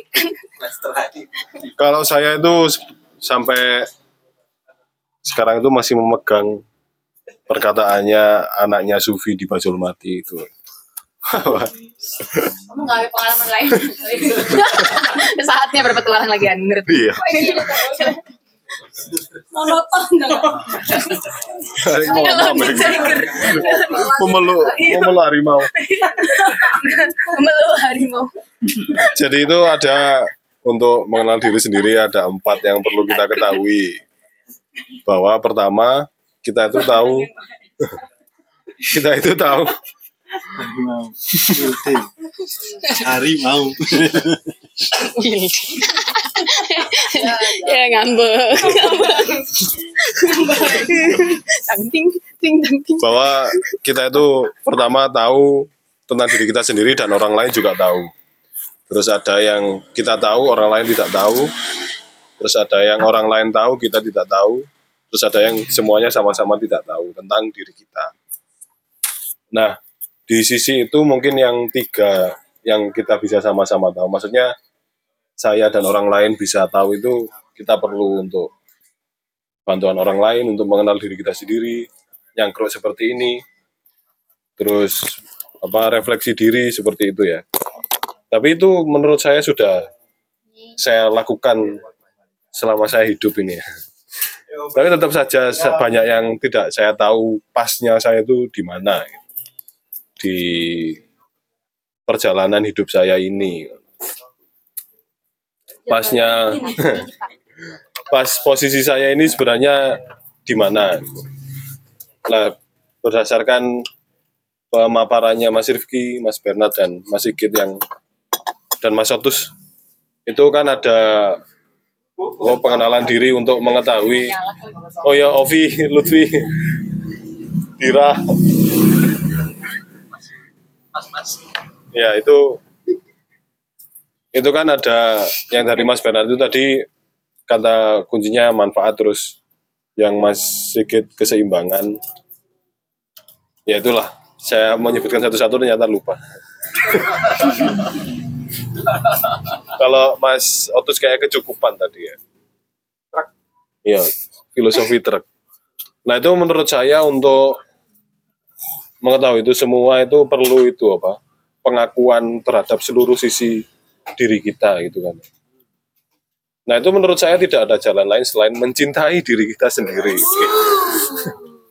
Soalnya kalau kita tidak ada niatan itu akhirnya tidak mau apa tidak mau untuk mengetahui sisi-sisi kita yang terburuk sekalipun.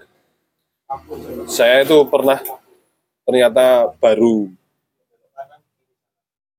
baru tahun 2020 lah ada trauma masa kecil yang sangat mencekam bagi saya itu baru teringat pada saat itu. Ternyata selama itu saya sembunyikan terus itu. Nah itu ketika harus berniat self compassion itu itu saya menyadari itu dan itu ternyata memang menakutkan ya prosesnya. Tapi ya menurut saya harus dilalui untuk mengetahui diri saya dan menemui kepasannya. Tapi tetap ada bahwa meskipun itu sudah saya ketahui dan menurut saya itu luka saya yang paling dalam itu sudah saya ketahui dan saya sudah berterima tapi tetap saja saya saya itu tidak tahu pas dan keseimbangan itu. Kedalamannya itu berapa meter kira-kira? itu sepalung Mariana. Nyanyi dulu. di palung Maria eh coba gitar sih. Golek korte deh jadi jadi itu titik meskipun sudah tahu itu terus sudah berjalan di jalan cinta untuk diri sendiri itu tetap saya tuh masih merasakan kebingungan Ke- kebingungan titik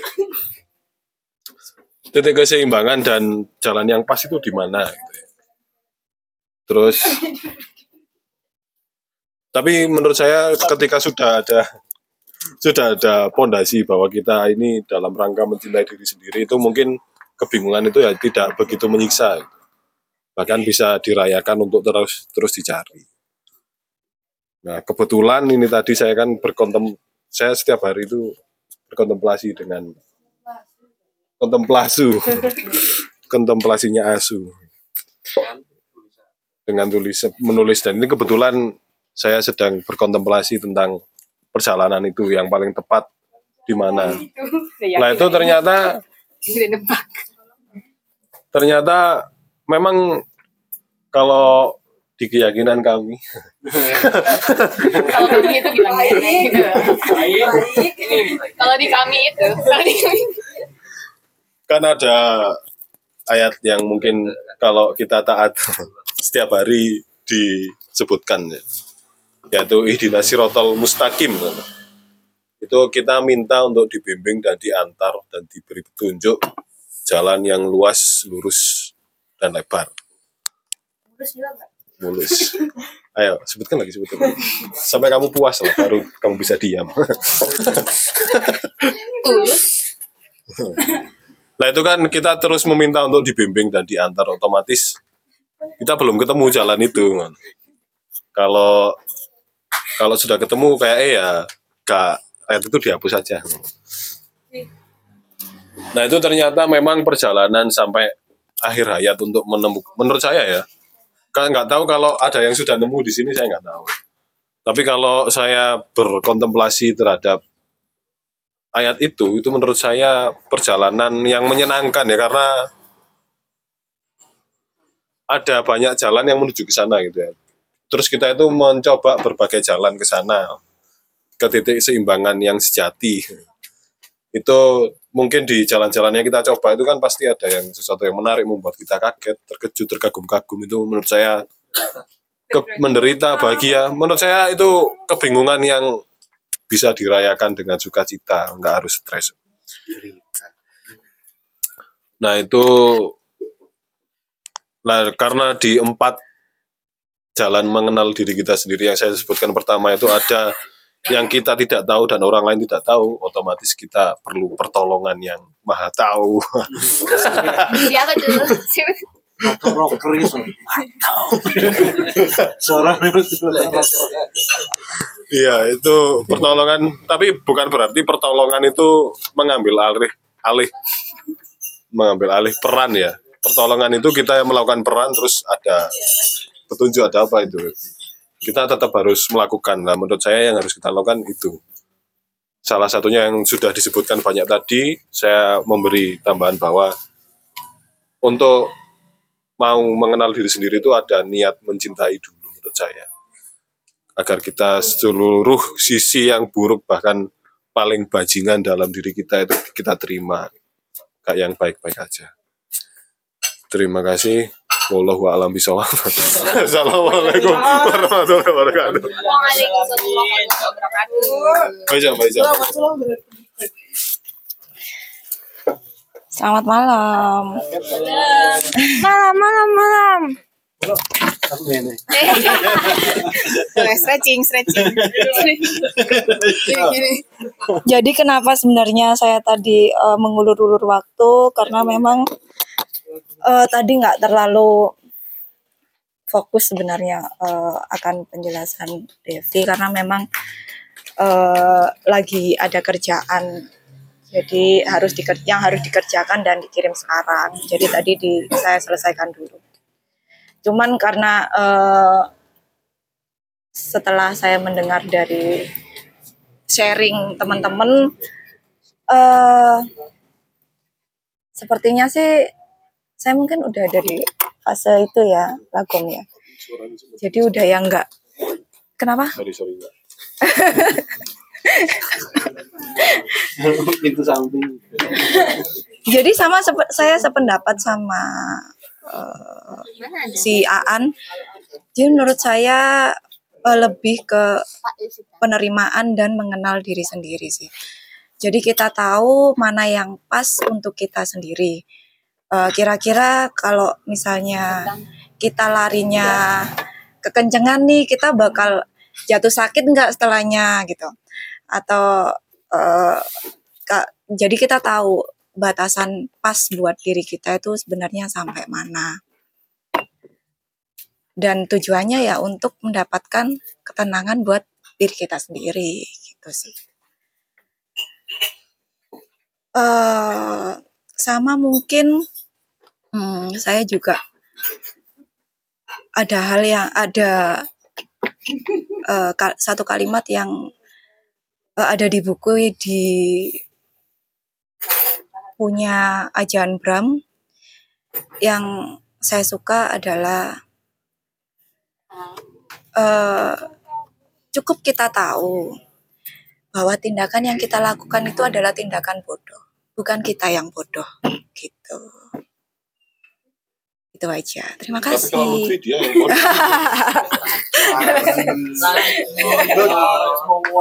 Lut, ayo Lut. biar kas dikit Lut.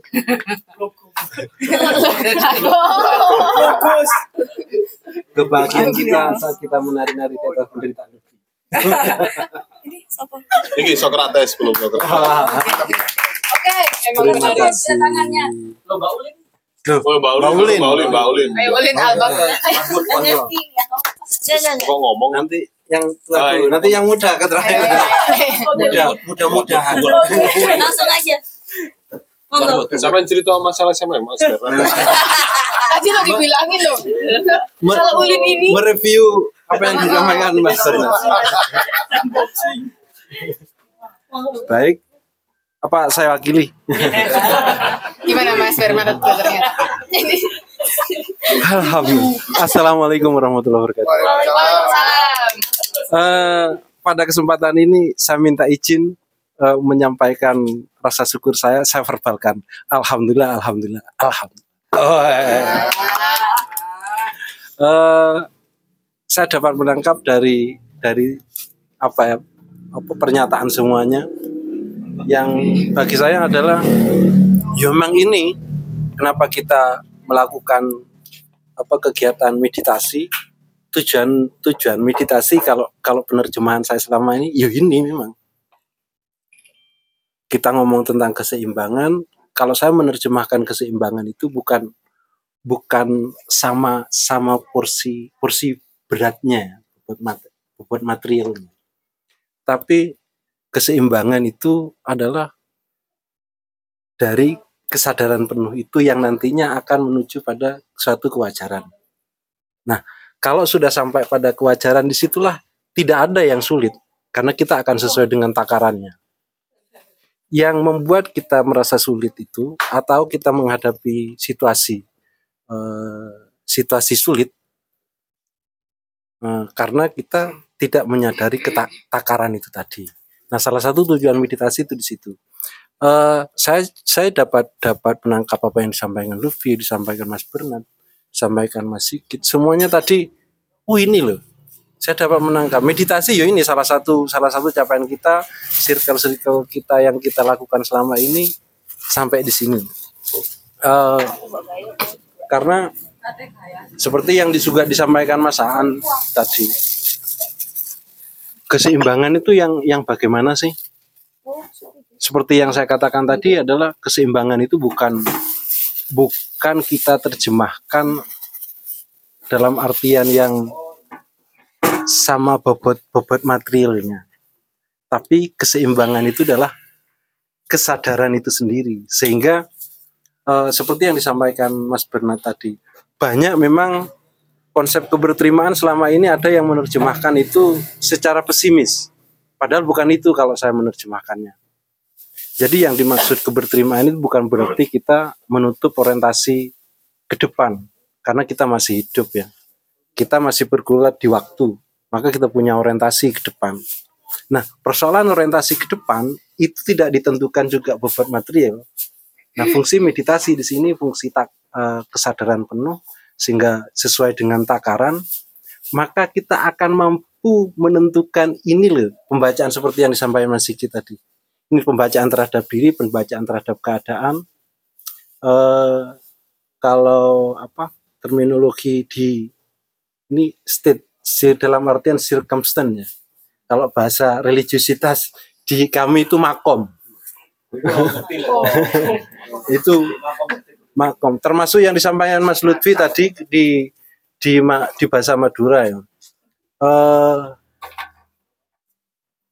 lakona lakonin, jalana jalanin itu bukan tan itu melalui proses kesadaran dulu. Nah,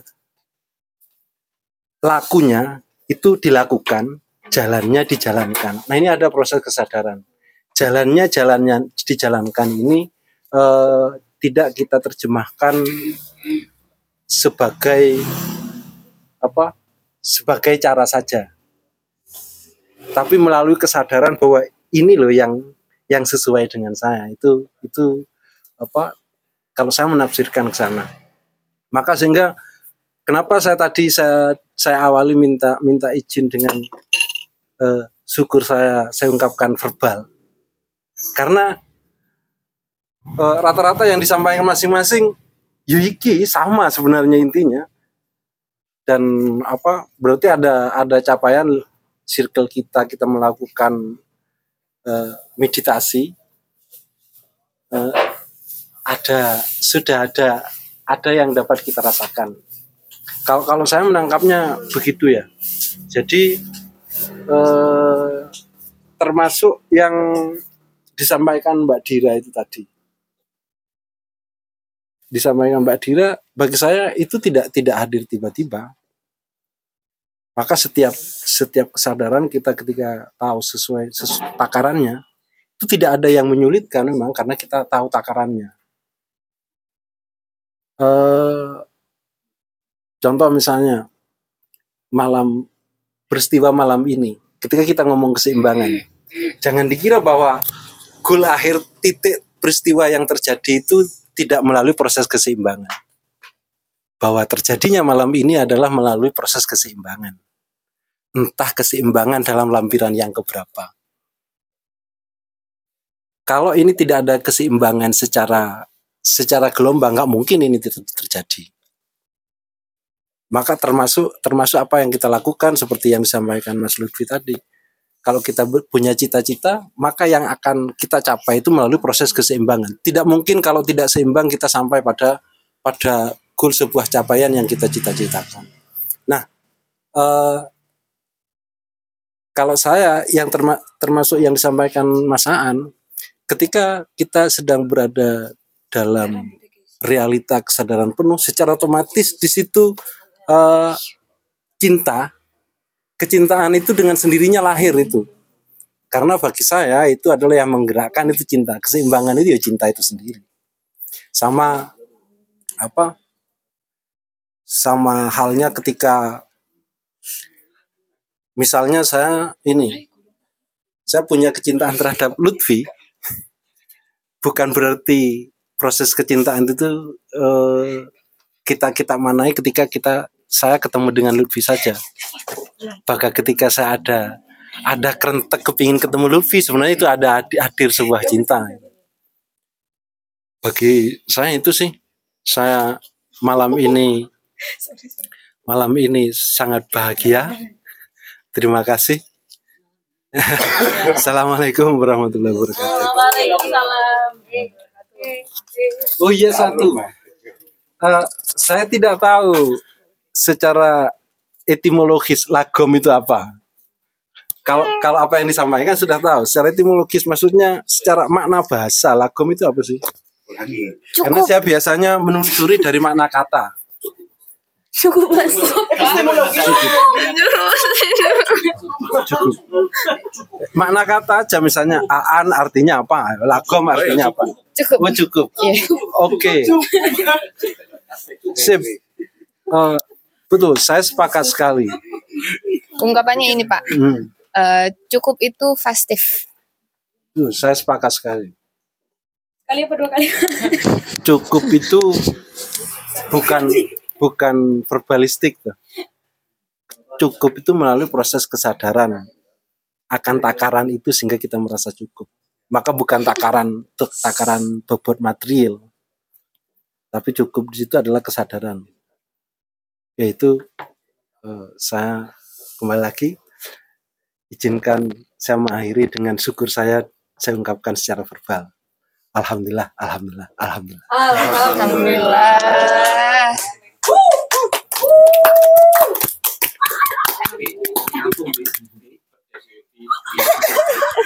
Lakom di lakom. Aku sadar. aku aku Lagom. mau bayang aku begitu muni lagom opo lakum dinukum wali hati aku kan konvensional nih Sudah terkoneksi dengan sobat saya. Bukan cukup cukup cukup kita bersama. Apa iya? Bagaimana Devi? Cukup. Devi? Bagaimana Devi? Devi, bagaimana Devi? Ya. Teman-teman, terima kasih sudah sampai pada titik ini.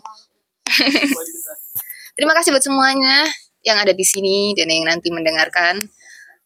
Terima kasih sudah melewati kata-kata kasar yang tadi saya lontarkan. Maaf ya, aku nggak ada maksud. Nah, dan juga jangan lupa stay tune untuk eh, episode selanjutnya dan terus apa? Ada update.